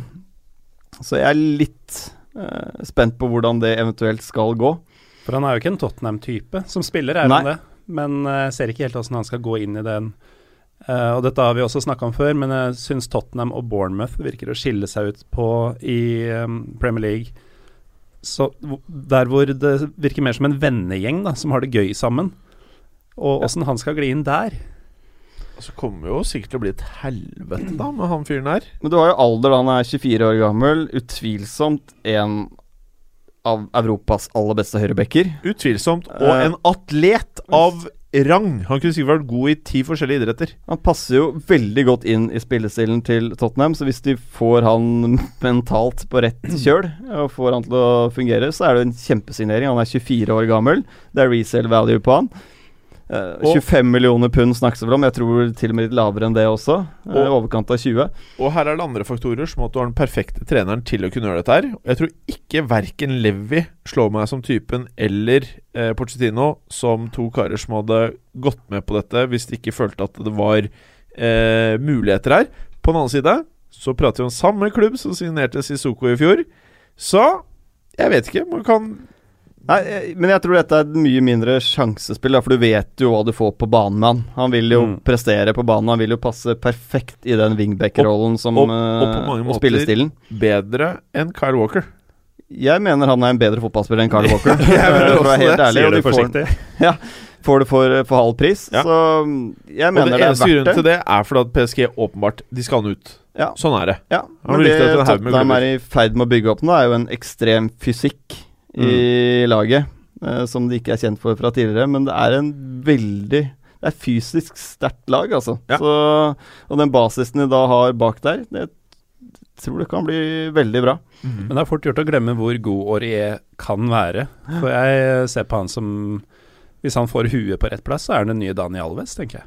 Ja, han er steinbra. Ja, han kunne spilt eh, Han kunne fint gått inn på Barcelona og heva dem, Men eh, eh, og Juventus, nå som de mista nevnte Alves, på mange måter ikke noe mindre gæren enn Daniel Alves. kan du si. Altså Daniel Alves er jo kjent for å være ikke Han er jo litt Han er jo gæren. Ja. Bare Hvis du følger Instagramen hans, så skjønner du jo det. Men kanskje akkurat dette er Tottenham trenger, da. En som er litt gæren. Ja. Som eh, kan eh, kan gå litt foran i krigen. Og så tror jeg, nå går vi inn den uken her, er jo Tottenham sitt eh, overgangsvindu. Det starter jo egentlig nå om et par dager. Det er nå de begynner å gjøre noe deals, og det kommer flere inn. Eh, jeg tipper to til, i tillegg til Aurier. Uh, Dortmund-Gallosen. Ja. Du som følger denne femt mest spennende ligaen i Europa ganske tett. Uh, Femteplassen, da. ja, var det ikke det? Femte? Fjerde? Hvem er som har rykket opp? Er det Jeg vet ikke. Men de er ganske langt nede. Uh, nei, de var ganske langt oppe. Sånn var Vi, det. vi diskuterte jo dette Vi i kjørte forrige jo uke. Premier League rett ned på Ble vel femte. tredje, tror jeg. Ja. Ja, jeg vi enstemmig på det. Jeg husker ikke. Men uansett, Dortmund-Gallosen. Eh, hvis de mister Dembélé, de har nytt trenerteam, hvordan blir dette her? Ja, Trenerteam er jo et stort spørsmålstegn, men de var bunnsolide i ligaåpninga. Eh, en ligaåpning som for øvrig passa mine forhåndsvurderinger perfekt, i og med at eh, Wolfsburg, som er til manges eh, overraskelse, og til og med, eh, om ikke raseri, så eh, De tok jo mot eh, Dortmund, en match som de store lagene tradisjonelt sliter med. Dortmund vant 3-0 og var overlegne i, eh, i spillet også. Christian Pulisic, som eh, jeg har spådd gjennombrudd for denne sesongen, han virka mer enn klar til å ta over Dembélés rolle. Han hadde scoring og assist, og det er mer enn Dembélé leverte i sine første matcher for Dortmund. Så du har liksom litt mindre flash i Pulisic, men uh, ganske mye mer sluttprodukt. En fyr som Han er jo amerikaner uh, og spiller i Tyskland, så det er jo en fyr som er gjennomprofesjonell. I motsetning til visse andre som nå ikke skal spille mer for Dortmund, antagelig. Uh, så det sportslige tapet av Dembélé trenger ikke nødvendigvis å være så stort. Kjøper Barca nå feil mann, eller? Har du Det ikke er så fått, typisk at Dembélé ble den floppen, og så er Pulisic bare herjer har du ikke fått med seg dette du sier? Ah. Det Ring dem, da! De er i ferd med å bruke masse penger her. Det som Dembélé har gjort, er jo å levere uh, på skyhøyt nivå både i liga og Bundesliga, og han er fortsatt 20 år, så vidt jeg 19-20 år. Uh, Pulisic har jo ikke spilt fast i noen av disse ligaene ennå, så det vil jo Barcelona nå kunne jo finne på å bruke 150 millioner på han, selvfølgelig, men eh, det er faktisk mer vettugd sånn objektivt sett å bruke dem på Dembélé, uten at det er vettugd. Ok, hvordan ender denne gruppa her, Preben? Akkurat som den står foran meg. Og det Real er- Madrid, Dortmund, Tottenham og Apoel. Jeg er 110% enig. Hva tenker du, Gallosen? Jeg er helt enig. Ferdig. Hvem vinner Champions League, Preben?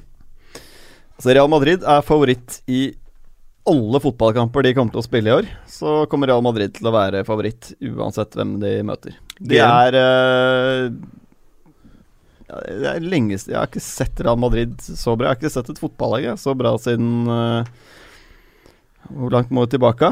Beste Barca-årgangen med Savi Nesta på topp. Nei, det er steinbra. En liten del av meg døde da Champions League-finalen gikk i våres. For det var da jeg innså at eh, Real Madrid nå er så mye bedre enn alle andre at det er ikke noe å diskutere engang. Jeg trodde og håpa, eller jeg håpa og trodde litt, i hvert fall, på forhånd at det skulle bli en tett kamp hvor Juventus kunne ta det. Og det du var så i finalen at det var jo Det, jo, det var jo en klasseforskjell. Ja, og Juventus var jo soleklart det andre beste Ja. laget hele Ja. våren. Så man tenkte jo at nå får man en verdig finale med de to laga som skal være der. Og så var det så stor forskjell på dem.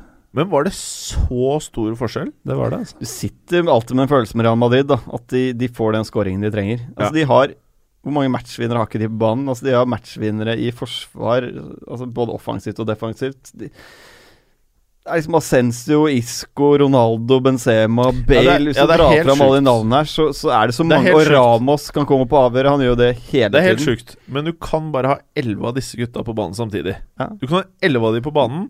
Du Eh, så jo helgen da, i sesongåpningen av liga. Du setter Varan Ascencio på benken. Eh, Ronaldo er suspendert. Er- Kovacic er en liten sånn lugg i låret, så han sitter på tribunen. Ja. Altså, De bare ruller over det er eh, sjukt. Ja, ja, det er vel ferdig snakka, de greiene der. Nei, de Eh, er klar favoritt. Det er, det er umulig å komme utenom Real La- Madrid. La oss nå bare Det er mer spennende rett bak der. Ja, for det var det jeg skulle frem til. Alle er vel enige at Real Madrid nå La oss bare si at de er favoritter. Og kanskje kommer de til å være favoritter ikke bare i år, men neste år, år etter der, og kanskje i flere år fremover. Men la oss si at det er en dårlig dag, da. Champions League-finalen. De har en dårlig dag. Ronaldo er lei seg. Bale går på krykker. Liksom Ting er ikke bra for Real Madrid. Hvilket av de lagene her er nærmest å kunne slå Real Madrid på en dårlig dag i Champions League-finalen? Jeg sa det i sted, jeg tror det er PSG. Det er, eh, det er ikke bare Neymar, men de har hatt en relativt stabil gruppe, de også, nå eh, over en periode. Eh, fått inn Rabiot. Jeg syns han har blitt enda bedre enn han Mm. var. Det han har vist i starten nå. Det virker som eh, Emery setter en startelver nå. Lille minus er kanskje midtstopperplass, hvor de bare egentlig nå har tre mann å plukke fra. Uh, Kimembe og Thiago Silva og Marquinhos. Så de har tre mann å, å plukke fra der, egentlig. Så, så kan du gjøre justeringer, selvfølgelig. Men nei, det, det flyter for de, altså. Men de er avhengig av å holde Neymar skadefri og Kavani. Blir Di Det er det Maria? viktigste. Tror Di Maria blir. Han har jo rykta til uh, Barcelona. Jeg tror han blir. Ja. Jeg er uh, sikker faktisk på at Ja. han blir. Jeg tror også det. Jeg tror Jeg kan ikke eh, se for meg PSG selv til Barcelona hvis de er villige til å kjøpe en annen dude bare for å fucke opp. Nei, men Når du får Mbappé, som de sannsynligvis gjør nå også, da, så har de jo De må vel kanskje gi en retur, går det Ja. rykter om at det er Lucas Mora, eller hvem det er? Kan jeg si litt om den dealen? Det er snakk om Jeg lurer på om jeg leste 138 millioner euro pluss uh, enten Draxler eller Lucas Mora eller Pastore. Ok Da snakker du fort to milliarder. Ja. Altså ikke alle tre med én av dem. En av dem. Ja. Men Pastore er det bare å sende Hvis de tar imot han Han sender jo gledelig Han er over. skada hele tiden, Ja. dessverre. Og av og til så ser han ut som en av verdens beste fotballspillere, og av og til så lurer jeg på hva i all verden eh, han gjør i PSG. Han var jo den første i Gåstein Galactico-signingen PSG gjorde, vel? Eh, etter eh, Det var et land som bare kjøpte opp hele byen. Eh, og han er jo der fortsatt. Men jeg er spent på hva som skjer med Draxler. Han eh, må jo forsvinne nå. Han kommer jo omtrent ikke til å spille. Neymar er en spiller som kan spille alt. Altså, han holder både ligamatcher og Champions League. Så eh, det er litt sånn rart at ikke flere lag har hevet seg på Draxler. Husker dere åssen jeg slakta Draxlers valg da han omsider forlot Schalke? Ja. Ja. Se åssen det har gått med den siden. Ja. Men du liker ikke han? Nei, han, han valgte jo feil. Han valgte feil. Men jeg har ikke gitt opp fyren, da. Han har jo vist seg som en enda større kødd enn jeg trodde han var. Men, eh, men han er en vanvittig god spiller, og han trenger å komme i det rette miljøet. Og nå har han jo vært linka til både mm, Arsenal og Liverpool. Er ikke dette her en perfekt er, ikke, er ikke dette her Bør ikke han bare skjønne at han skal til Arsenal? Jo. Ja. Jeg tror det her kan bli bra. Veldig ja. Arsenal-spiller, og veldig Tottenham-spiller også. Veldig Tottenham han også passet veldig bra, så det er rart Mm. at ikke Tottenham eh, prøver å det, det vet jo ikke, da. Hva, Tottenham er faktisk ganske hemmelighetsfulle på hva de driver med. Så, Han, han bør gå til ett av de tre nevnte engelske lagene. Ja. Da kommer han til å få ut makspotensialet sitt. Ja. Og han koster bare rundt en 30 millioner euro, som i dag tydeligvis er bare. Ja, det er Ja. veldig bare. Kaster jeg opp det litt i munnen min. Ok, så PSG er en utfordrer. Nevn en annen, Preben, som du mener Jeg reelt må sett har ha mulighet her. med Juventus, jeg. Og det er rett og slett uh, erfaring. Du vet hvordan det er med Juventus. De, det er ikke sikkert de sprudler på noe som helst tidspunkt, men uh, de har matchvinnerne. Mm. Uh, offensivt og defensivt. Og en solid midtbane. Ja. Så um, det er et veldig solid lag Ja. som uh, er tett der oppe, altså. Og jeg er spent på å se Douglas Costa. Jeg er spent på å se en haug av de signeringene de har dratt inn i år. Eh, og ikke minst så hadde det vært gøy hvis Dybala nå begynte å vise at han er neste sånn, Jeg hater sånn å si sånn neste Neymar, men liksom neste fyren som klarer å ta det derre ekstra steget hvor du er med i diskusjonen rundt Ballon d'Or. Det hadde vært gøy. Det hadde vært jævla gøy, faktisk. Det hadde vært veldig gøy om den eh, prisen gikk til noen andre enn de to gutta. Ja, det kommer nok til å være de to i hvert fall ett til to år til, tipper jeg. Det gjør det nok. Men, Med mindre Neymar tar helt av i år. Men jeg tror ikke vi skal avskrive Barca helt, altså. Det er det jeg skulle frem til. Det er en uke igjen av overgangsvinduet, og uansett om de ikke skulle få inn noe heller, så kan jo Messi finne på å skåre 70 mål på en sesong. Det har skjedd før. Eh, hvis han føler at Altså, han vet at alt ansvaret er på han, så også, kan han du fort ta ansvaret også. eh, Barcelona har verdens beste nummer ni. Og de er verdens enten nest beste eller beste spiller i Messi, ut fra din subjektive mening. Ja.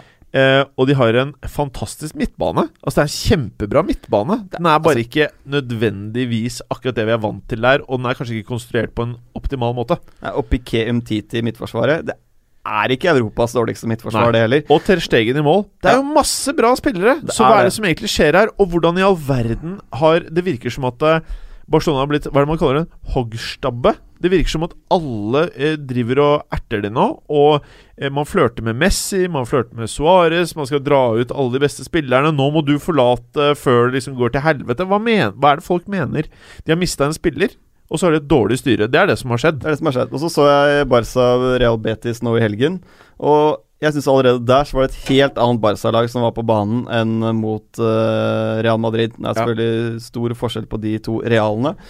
Men uh, de var mye mer kompakte, mye mer aggressive i gjenvinningen. Det var mye mer det Barca vi kjenner fra gammelt av. Så Og Valverde er en bra trener. så Altså- plutselig så får han litt orden på strukturen i laget. Så er det ikke veldig mange hull i startelveren når du får bytta ut Paco Alcacer. Han burde jo Han Bare- du jeg vet ikke hva fan han hvert Du hater Paco Alcacer. Men Har du sett han spille fotball? Ja, han har ikke noe der i øret. Jeg har ikke lagt merke til den. Han har ikke noe der å gjøre. men men eh, eh, det Barcelona kanskje trenger mer enn noe annet, er jo en skikkelig leder. En motivator. En person som nå kan holde humøret oppe. eh, og også vise at ting er ikke Altså, du har mista en veldig god fotballspiller, men det er det. Og så har du Ja. åpenbart dårlig, ledelse. Det finnes mange bedrifter i verden som gjør det jævlig bra med antatt dårlig ledelse. Goals. Men Barcelona var et stykke unna i fjor med denne fryktelig gode spilleren. Eh, før han ble solgt, så snakka vi jo allerede om hvor ubrukelige de var på overgangsmarkedet i sommer. Åpenbart. De hadde store steg å ta før Neymar ble solgt. Og Nå har du kjøpt Perlino, da. som vi snakka om for ikke så veldig lenge siden i denne sendinga, så er det jo det at eh, ja, de har fortsatt Suárez og Messi der oppe, men de må, selv de må jo bli spilt riktig. Og det gjør de jo ikke med den midtbanen som er i dag, selv om det objektivt sett er gode spillere som er der. Uh, så jeg, vil, jeg er helt enig med at det er Real Madrid soleklart foran, og så vil jeg si at det er PSG og Juventus bak der. Men i det sjiktet som kommer der, så vil jeg faktisk Dette høres kanskje rart ut, men jeg ville like gjerne nevnt Manchester United det, som Barcelona. Akkurat sånne ting er nå. United er en outsider i hele det har de absolutt ikke gjort. De har det hadde jeg absolutt ikke gjort. Dersom de klarer å slå seg forbi Basel, Det hadde jeg så og Mener du at Manchester United i årets Champions League er i nærheten av Barcelona? Ok! Jeg blir heller ikke overrasket okay. om United uh, kommer langt i Champions League. Og dette er fordi de har Mourinho, og det er Mourinhos andre sesong. Eh, og de har en enorm tropp. Hvis Mourinho tør å bruke den, og ikke bare skviser ut alle før nyttår, sånn at ingen orker å spille lenger, så, så er de rusta utover våren, altså. Så må du Og da er Ibrahimovic tilbake også. ja, så må du aldri avskrive Atletico Madrid. De får Vitolo etter eh, jul. De får høyst sannsynlig Diego Costa. Og det spissparet Diego Costa og Griezmann, det er noe av det mer eh, spennende i europeisk fotball. Altså. Hvis United møter Maribor videre, eller møter et eller annet sånt, ok, så går de videre. Men nå skal jeg ta dere på ordet, og så skal vi prate om dette litt utover i sesongen. For at uh, selv om de har Mourinho, jeg er ganske sikker på at de går videre. Men uh, jeg tipper hvis de møter et uh, Bayern München, Paris Saint-Germain, Atletico Madrid Du får den Mourinho-greia, at det, blir en mest sannsynlig god kamp. Men jeg tror ikke Jeg tror vi er to til tre overgangsvinduer eh, og samkjøring av disse spillerne unna eh, å kunne si at man har et lag Altså, husk Vi prater om en lager som skal stille med Jones i forsvar. Fremdeles. Det er Jones som mest sannsynlig skulle til å spille det forsvaret der. Ja. Misforstå meg rett, jeg sier ikke at United er en kandidat til å vinne. For det fins bare én, maks tre kandidater til å vinne, og de har vi nevnt. Dette er i det havet som kommer bak de tre lagene. Ja. Der syns jeg United stiller på tilnærma, i hvert fall, lik linje som eh, Barcelona. Øh, ja, de har mista Neymar. Atletico litt, men Altså, Ja, de har men mista Neymar, jo og så er, et- ja, og, De har mistet Neymar, og så plutselig er United og Barcelona like bra? Er det, det, det høres jo litt spesielt ut, spør du meg, da. Nei, men jeg, Nei, jeg ser på Barcelona som et lag i en viss krise, sånn som de holder på akkurat nå. Ja ja. jeg tror Atletico Madrid Til dem å eh, er hakket over Barca. Det Ja. sa i tabelltipset for La Liga, at Ja, ja, ja. kommer høyere enn Barca. Så Mm, jeg jeg tror helt Atletico. Madrid uh, For- er helt der oppe, altså. Altså For meg så har du Real, som vi har prata om, og under der så mener jeg eh, For meg, Atletico Madrid er over PSG. Det er et komplett lag, og selv om de ikke får lov til å handle, eh, så er de, føler jeg, da en Diego Costa unna å være nesten på nivå starter 11-messig som Real Madrid, da. For De er jo ekstremt samspilte, Ja. den gjengen der. De vet jo akkurat hva de skal gjøre. Ok, karer. eh, vi må kjapt innom eh, England. Eh, vi konser om eh, topp syv-lagene. Vi har jo Vi koste oss så fælt med Champions League at vi har litt dårlig tid nå. Garlåsen. Du, det ryktes jo at du, eh, i stedet for å være med i første sending av fotballuka, var i Bournemouth. Ja, det er ikke Din helt fødeby, og der du har stoltheten din. Hva skjedde? Jeg lurer på hvor mange av lytterne som faktisk tror etter hvert at jeg er født i Bournemouth. Hva mener du? Det vil jeg tro er Akkurat. 90 av lytterne. Og du er jo født i Bournemouth. Jeg er født i Elverum. Slutt å Det er. Norges Bournemouth, da. Det er Norges Bournemouth. Det er Norges skal- Hull. De skal jo ja, ta det er vel ikke mer riktig. De skal ta imot uh, Manchester City. Uh, blir det liksom uh, overkjøring her, eller blir det match? Vanligvis blir det overkjøring. Siden eh, Bournemouth eh, rykka opp, så har de møttes fire ganger i ligaen. City har vunnet alle fire og har 15-1 i målforskjell. Fjorårets hederlige 0-2 hjemme mm, på din court var eh, det nærmeste Bournemouth har vært å ta poeng fra City i Premier League. Og faktisk så finnes det bare fem lag Bournemouth har møtt i ligasystemet noensinne uten å slå. City er jo et av dem. Arsenal og Tottenham er ganske logiske, de også. Wimbledon er ikke helt sykt. Det femte laget er Kidderminster Harriers. Så det, det er et visst sprik. Uansett et ganske eksklusivt selskap. Eh, dere kan jo se at eh, United og Chelsea og Liverpool er ikke der. Men eh, denne uavgjorten mot eh, Everton var faktisk Citys første poengtap i august på tre sesonger. De har åpna helt sykt, alle sesongene. Ja, de har det. Bournemouth på sin side har kun vunnet én augustkamp i samme periode.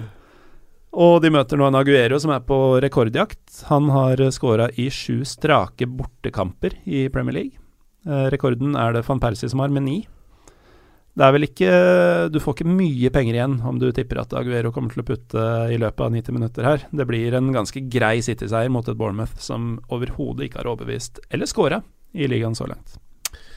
Uff, det var litt trist. Ja, Der blir det mål. Jeg tror det blir dritfet kamp, fordi Bournemouth prøver jo uansett da å spille litt ball, selv om du kan si det er naivt og, ja, og Men- dumt. Det har funka iblant. Ja, ja. Det, den der 4-3-seieren mot Liverpool i fjor var jo kanskje feteste kampen i hele Premier League. Ja, det er enig forrige sesong. Så hadde jo De vant jo øh, to- øh, 2-1 mot United her øh, sesongen før. De slo jo Chelsea borte for et par sesonger siden. Så en gang iblant så funker det jo. Ja, ja. De, de går jo aldri ut for å parkere bussen. Dere lyttere ser ikke ansiktet til uh, Bournemouth-gallosen. Du merker at her er det et bånd, Her er det et bånd. og du prater med overbevisning. Så jeg ble egentlig litt sånn Nå gleder jeg meg skikkelig til å se Bournemouth, jeg nå. Kanskje mer enn å se City. Altså Underholdningsmessig så kan det bli rundens kamp. Ja, det kan det fort. Men jeg, jeg tror ikke på den helt store spenninga. Men uh, dette med at disse kampene blir målrike og morsomme jeg beit meg litt i leppa mens jeg snakka. Jeg blir, jeg, jeg blir så ivrig når jeg snakker om Bournemouth. Men dette er jo en, en tradisjon som går langt tilbake i tid. Um, jeg kan jo nevne det beste ligaresultatet Bournemouth har hatt mot Manchester City noen gang. Det er eh, fra 1989, og det ble 3-3. Det er det beste de har klart, ja. Ja. ja. Det er ikke gærent, ser du. Nei, Det er ikke dårlig, det. Det var ikke mot et veldig sjeikepumpa City, men uh, det var poeng. Kanskje var det da Trevor Morley spilte her? Kan ha vært. Kan ha vært. Eh, Preben. Ja. Tottenham skal jo møte et lag som kanskje eh, oddsmessig ikke har de beste sjansene for å ta poeng fra deres nye stadion. Nei, de har ikke det.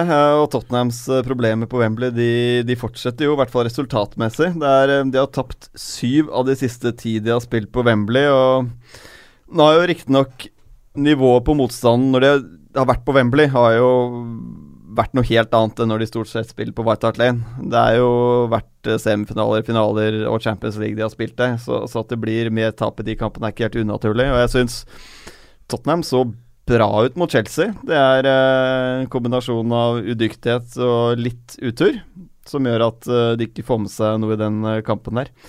Så mm, Men jeg tror den største ulempen egentlig for Tottenham er ikke det at deres eget spill er så mye dårlig på Wembley, det er det at anledningen for motstanderlagene blir så mye større når det kommer til Wembley. For motstanderne så blir det en sånn cupfinale-feeling. Skulle ut på Wembley, så de gir kanskje det lille, altså de lille prosentene ekstra da, i den matchen. At det kanskje blir større problem for Tottenham enn nettopp det at de spiller på Wembley. Men uh, Harry Kane sliter jo fortsatt med å score. Det er jo ganske smått Men, utrolig. men han har jo truffet stang to kamper på rad nå. ja, og Jeg har han på fancy fotballaget mitt, og jeg tør ikke å selge han. Han Nei, han var jo, jeg vil si han var Tottenhams beste spiller mot uh, Chelsea. Men han er jo enkeltspillernes Bournemouth. Uansett hva han gjør, så får han det ikke til i august. Nei, det er helt umulig, og det er- tolv kamper nå. Det er 34 skudd. Så har han jo, som du sa, to i stolpene av hatt denne sesongen. Det er mm. Men han virker såpass skarp, da, at jeg tror den skåringen kommer nå faktisk på søndag. Nå da er vi i gang med tredje høsten med fotballuka, i hvert fall som jeg har vært med på, og som lytterne har fått mulighet til å høre på. Som ligger på iTunes. Og Preben sier jo dette hver høst, eh, i august og tidlig i september, at ah, Harry Kane han spiller bra.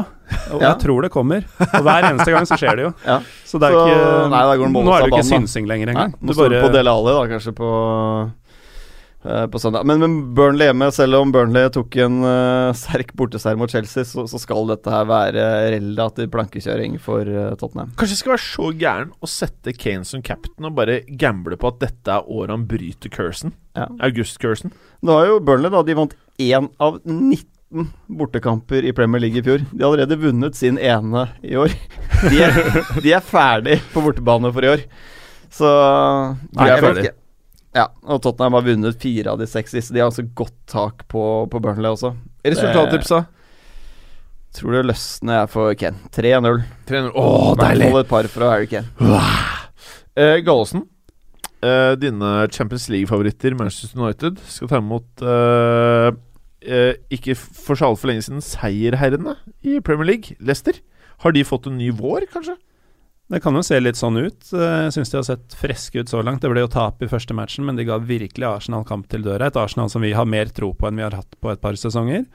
Eh, og så var det en eh, solid seier sist. Så Leicester ser ganske bra ut, og sprudler jo offensivt. Fem skåringer så langt. Ikke åtte, sånn som United har, men det er fortsatt respektabelt. Um, Leicester eh, ble jo blåst av banen i eh, begge matchene, faktisk, mot United i fjor. Eh, 4-1 her på Old Trafford og 3-0 på Holdt på å si Filbert Street. Så gammel er jeg. King Power. King Power. Vet du hva? Jeg, jeg har en ganske god følelse på Tottenham i år. Nei, på Leicester. Leicester kan fort gjøre en ganske bra sesong. Altså. Snakket jo om på tabelltipset at de fort kan snike seg inn foran Everton og kanskje snuse litt opp på, Mm. på sjetteplassen. Fordi når eh, Altså, Wardy virker eh, skrudd på. Og jeg syns hele laget virker som det kanskje er en sånn Det flyter i år igjen, da. På en helt annen måte enn eh, store deler av fjoråret. Og så det derre drinkwater til Chelsea-greiene. La ikke det skje, da, både for Chelsea og for Leicester sin del. Men får du 40 mill. pund for Danny Drinkwater, så selv for Da faen. selger du. Kan du nevne for Barcelona at den er til salgs? Da får du, får du 120. Det er sånn panikk deadline day. Daddy Danny Drinkwater og Paulinho. Da må jeg justere noen tabelltips i La Liga, merker jeg. Det sjukeste er at uh, Drinkwater kan jo være nøyaktig den typen de trenger. Ja, det er det sykeste. Det er jo det sykeste. Ja. Tilbake til kampen. Ja, Drinkwater møter jo for øvrig gamleklubben sin. Han ble flaska opp, denne Drinkwater. Oi, oi, oi. Nå var du god, Olsen. Ja, det var fint. Det Nå var du god, ja. Eh, men det er jo to lag som scorer mye, Ja. og som spiller underholdende fotball, i hvert fall så langt. Det er bare gått to kamper, men eh, det er jo ikke tilfeldig, for siden eh, Craig Shakespeare tok over eh, Leicester i vinter, så har deres kamper vært de mest målrike av alle Premier League-lagene. Så dette blir eh, gøy, og jeg tror eh, Jeg vil si at dette er første reale testen for United. Eh, dette Leicester-laget kan være ganske godt undervurdert. Og faren for United er å gjøre akkurat det, spesielt siden det var så lett, som jeg var inne på i fjor. Um, Leicester De har- imidlertid bare én De har faktisk to seire mot United i Premier League totalt. Kun én på Old Trafford, og det var i 1998. I januar 1998, da Tony Cottee ble matchvinner. Jeg ønsker bare å bruke anledningen til å Mm. påminne en ting som er veldig vanlig eh, med fotballfans. Eller fotballfolk generelt. Og det er dette med hukommelse. Hvor fort man glemmer ting. Eh, I fjor så Eller siste året i Chelsea. Da prata man om at eh, Mourinho både hadde blitt akterutseilt eh, taktisk, og nå sitter vi her og prater om hvor sykt fordelaktig det er for Manchester United at de har José Mourinho. Og Han spiller tre i forsvar, og han spiller den samme gamle driten som han har gjort i alle år, men det funker. Og han er en av de beste i verden på akkurat det han driver med. Og Derfor så tror jeg ikke Jeg tror ikke du får et Manchester United som undervurderer Leicester. Hadde dette vært et annet lag, hadde det vært Wenger, eller hadde det vært noen andre, så kanskje. Men jeg tror, jeg, jeg tror du I år så tror jeg du kommer til å se den mest profesjonelle eh, sesongen av et Manchester United-lag siden Kanskje ikke engang den siste sesongen til Ferguson, men ganske sånn på høyden til United under Ferguson. Det er det du kommer til å se i år.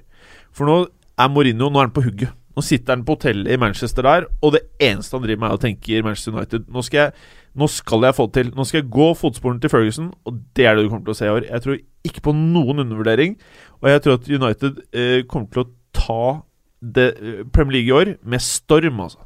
Det Kan jeg bare si én ting angående det at han sitter på hotellrommet? Han har flytta? Nei, er det ikke ganske sjukt at uh, han Er det at han tror han blir sparka på et tidspunkt? Hvor- hvorfor har han ikke skaffa seg bolig?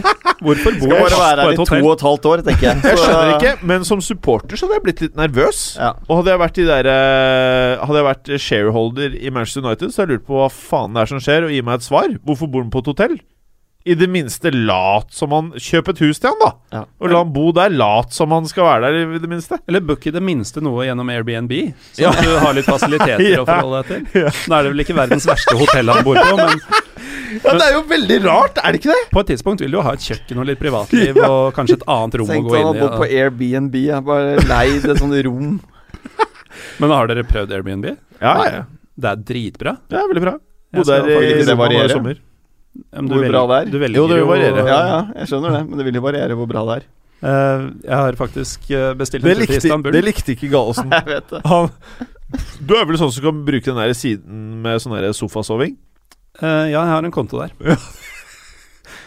jeg har også konto på BlaBlaCar, som er en slags haiketjeneste. Og den har jeg brukt et par ganger. Ja, på Du, jeg tenkte vi skulle tilbake til uh, fotball. Ja. Kan vi bare ta litt fotball nå? Mm. Bla, bla, car. Over til Manchester United Leicester. Jeg tror da ikke på en undervurdering. Og jeg tror det blir jeg, jeg tror det blir sånn Kanskje United kan slippe inn et mål. Det kan skje. Men jeg tror sånn I så fall blir det 3-1. Ok. Eh, kan jeg nevne en ganske sjuk eh, trivia? Please do. Dersom United skulle klare en firemålseier her, så er det første gang eh, de gjør det i tre strake ligakamper siden oktober 1907. Nei. Så hvis de smadrer Leicester nå, så er det ganske vanvittig rekord å slå, altså. Ja, det er det. 1907? 1907. 110 år siden? ok. Eh, vi skulle jo både ha Berger, som plutselig dro til Liverpool, og vi skulle ha Sondre fra Fancy Rolla. Ingen av de kom. Så eh, vi må jo ta kampene til Berger. Chelsea-Everton. Kanskje vi skal spørre den nye teknikeren? Chelsea-Everton. Stakkars Jo. Stakkars Jo, vi skal ikke dra deg gjennom der. Felix, stakkar. Først så kjørte han Marius gjennom grillen. Det gikk jo som det gikk. Og Felix, stakkar, han kan jo ikke noe om fotball. Så det, ja. Men han vant konkurransen vår. eh. Da jeg la godt an, så vant han ofte. Men, eh, men, men Chelsea-Everton, det tror jeg blir uh, jevnt. Er det på tide å dra, dra inn konkurransen igjen, eller? Nei. Nei, jeg Chelsea har bedre selvtillit nå enn jeg har hatt på lenge. Så. ja, ja. Nei, men jeg tror det blir en jevn match. Jeg, jeg syns uh, Koman organiserer det Everton-laget bra. De gjør en ganske bra Brukbar sammensatt tropp, i hvert fall.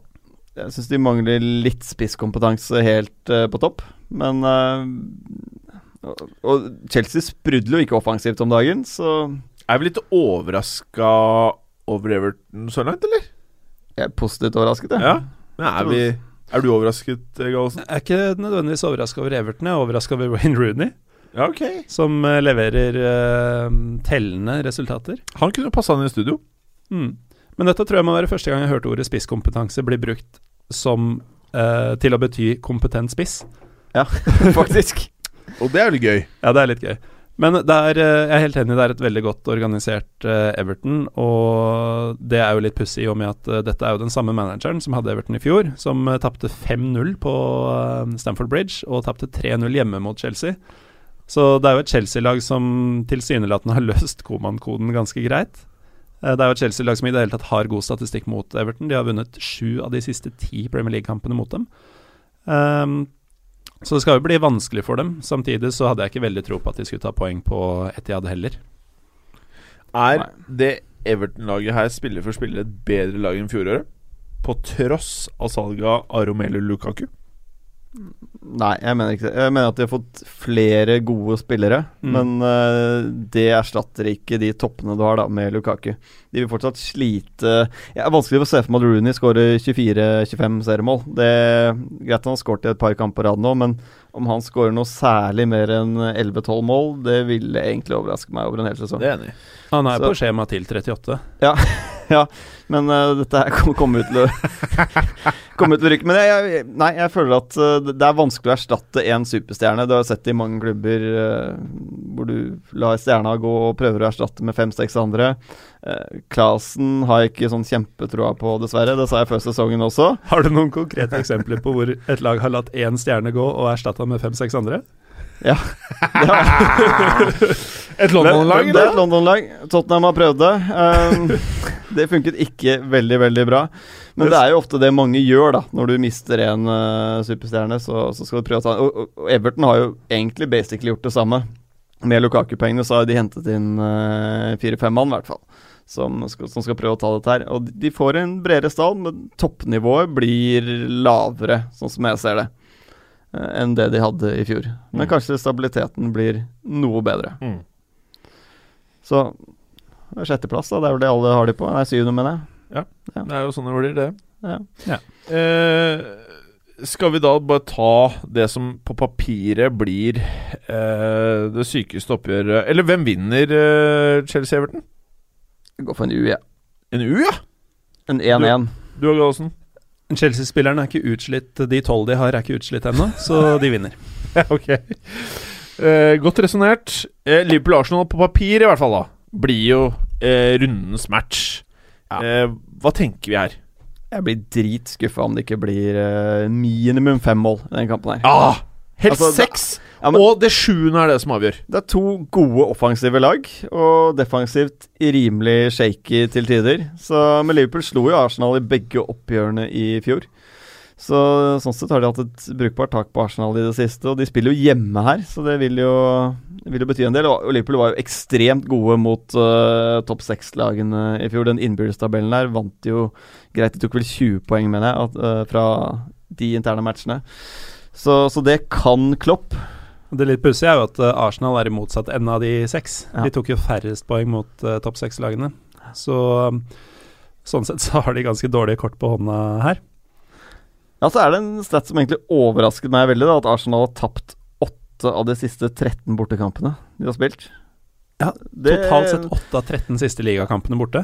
Så den staten her, så tenkte jeg det kan vel ikke stemme, men det gjør vel muligens det, altså. Det, er, det, Ja, må det gjør gjøre det. det. De gjør det. Vi måtte jo dobbeltsjekke den, Ja. og det, det er korrekt, det. altså. Og Ja. det, er, det er jo absurde tall for et topp seks-lag. Og, men i den matchen her tror jeg Liverpool tar frem den entusiasmen de trenger. Jeg er helt sikker på at de hever seg. Vi kommer til å se fantastisk angrepsspill. Altså Noe av det de leverte mot Hoffenheim Var det 3-0-målet til eh, Liverpool nå mot Hoffenheim? Som var helt vanvittig pent. Hvor de rulla opp eh, med kombinasjonsspill på venstre, og Emre Can var det vel, på bakre. Altså de, de er jo det laget de og City som vi sier som spiller det beste angrepsspillet da når det, når det flyter. Men det er klart de slipper jo inn, da. Gjerne tipper de slipper inn to i den matchen her òg. Og det er så klopp å kunne stille med en midtbane med Wijnaldum, Emre Can og uh, Henderson, var det vel? Ja. Og spille den fotballen likevel. Det er så Kevin Grosskreutz uh, fast på venstrekant Ja. som du får det. Men hvem av de er Grosskreutz? Eh, ingen av dem, for han var venstrekant. Ja, men hvem, hvem mener du er liksom den klart dårligste av de gutta han filer på banen? Um, jeg sliter egentlig litt med å Jeg vil splitte si dem. Can, jeg. Ja, syns han får han- veldig mye ut av han. Altså, Ja, jeg er jeg enig, synes han, han er best leverer når han er godt. god. Ja, ja, men han leverer veldig godt i den rollen under Klopp. Men jeg tror hvis du har puttet han inn i en annen klubb, da, la oss si flytter han til Manchester United, så tror jeg ikke han hadde fått spille så veldig mye. Nei, det hadde han ikke. Eh, og motsatt, hvis du har puttet Herrera inn i dette Liverpool-laget, så tror jeg kanskje han hadde spilt foran Emre Chan. Ja, ja, ja. ja. Herrera er knallgod. Mm. Han har Ja. uflaks som ikke er starter for United nå. Ja, så det er et eller annet med systemet da som funker veldig bra offensivt, men, men det går jo veldig på bekostning av det defensive de Mm. driver med. De blir overivrige, for å si det pent. Det blir mye mål. Og nå har vi produsert nok en episode som varer uh, mer enn halvannen time. Jeg sa før sending dette lett under en time. Lett under Lett, en time. altså. Vi klarte det lett under to timer. Det gjorde vi. Ja. Eh, du kan høre oss på Spotify. Eh, en liten nyhet selvfølgelig er jo at eh, Moderne Media, som er produksjonsselskapet vårt, eh, har inngått en avtale med fotballpuben Pokalen, eh, som ligger i Vulkanområdet. Hvorfor kaller man det Vulkan, ikke Vulkan? Jeg kaller det vulkan, Ja, jeg- så jeg er feil mann å spørre. eh, Pokalen er da altså en fotballpub i Oslo som ligger på Vulkan. Kaller du det ikke pokalen? Pokalen på vulkan. Eh, hvor eh, vi på et eller annet tidspunkt i september skal holde fotballquiz og kanskje livepodkast, da. Er dette rett rundt hjørnet? Par-tre uker unna? Rett rundt hjørnet. Eh, de som kicker det i gang, er jo da Fancyrådet, altså Fancy fotballpodkasten her på Moderne Media. De starter da første mandagen i eh, september. Eh, og billetter får man jo da faktisk kjøpt på Ticketmaster. Eller du kan kjøpe det i døra. Eh, hvis dere da har noen forslag til eh, quiz-spørsmål, så hadde det vært veldig fint om dere da sendte inn det på Facebook eller på Twitter. Det er jo noe vi er interessert i, er ikke Preben? Ja, vi har jo selvfølgelig ikke begynt å tenke på dette her ennå. Nei, det, det er rett rundt hjørnet. dette Klassisk fotballuke. Jeg tror det blir vanskelig. Det blir uh, Vanskelighetsgraden tror jeg blir hard. Var Vi vet jo at det blir mye For eh, de som skal dit, da, på quizen, så ville jeg kanskje forberedt meg på østeuropeisk annendivisjon. Men det er vel først og fremst hvis eh, denne andre podkasten skulle få en uh, host-rolle. Og det har, jeg ikke, har ikke jeg hørt noe om, i hvert fall. Jo, du skal jo dit du også med Pyro Pivoen. Oh. Men eh, fotballuka eh, er jo litt mer kommersielle enn Pyro Pivo. Altså, det er ikke det er ikke syvende div i Ukraine. Eh, Hvem vet? Hvem vet? Kanskje drar vi noe faenskap ut av det òg. Men eh, lyttere, hvis dere har ideer, spørsmål til quizen Det er jo litt juks hvis du kommer med noe du kan svaret, og du sitter på quizen vår og bare tar det på strak arm, men vi vil fortsatt ha det. Og med det så må vi takke for i dag, skal vi ikke det? Vi gjør det. Danke für heute. Å, fy faen, det var ubehagelig! Ja, det var litt ekkelt. Oh, Jeg tror heller ikke det teknisk sett var Ja, riktig. det var ja, det var ikke noe hyggelig i det hele tatt. Takk for i dag, eh, mente jeg si. Preben. Takk for i dag, alle sammen. Takk for i dag. Takk for heute. Takk for at du hadde høre på. Vi er Fotballuka på Twitter, Facebook og Instagram. Følg oss gjerne. Ses neste uke. Men bare få høre. Den tror jeg blir litt fet.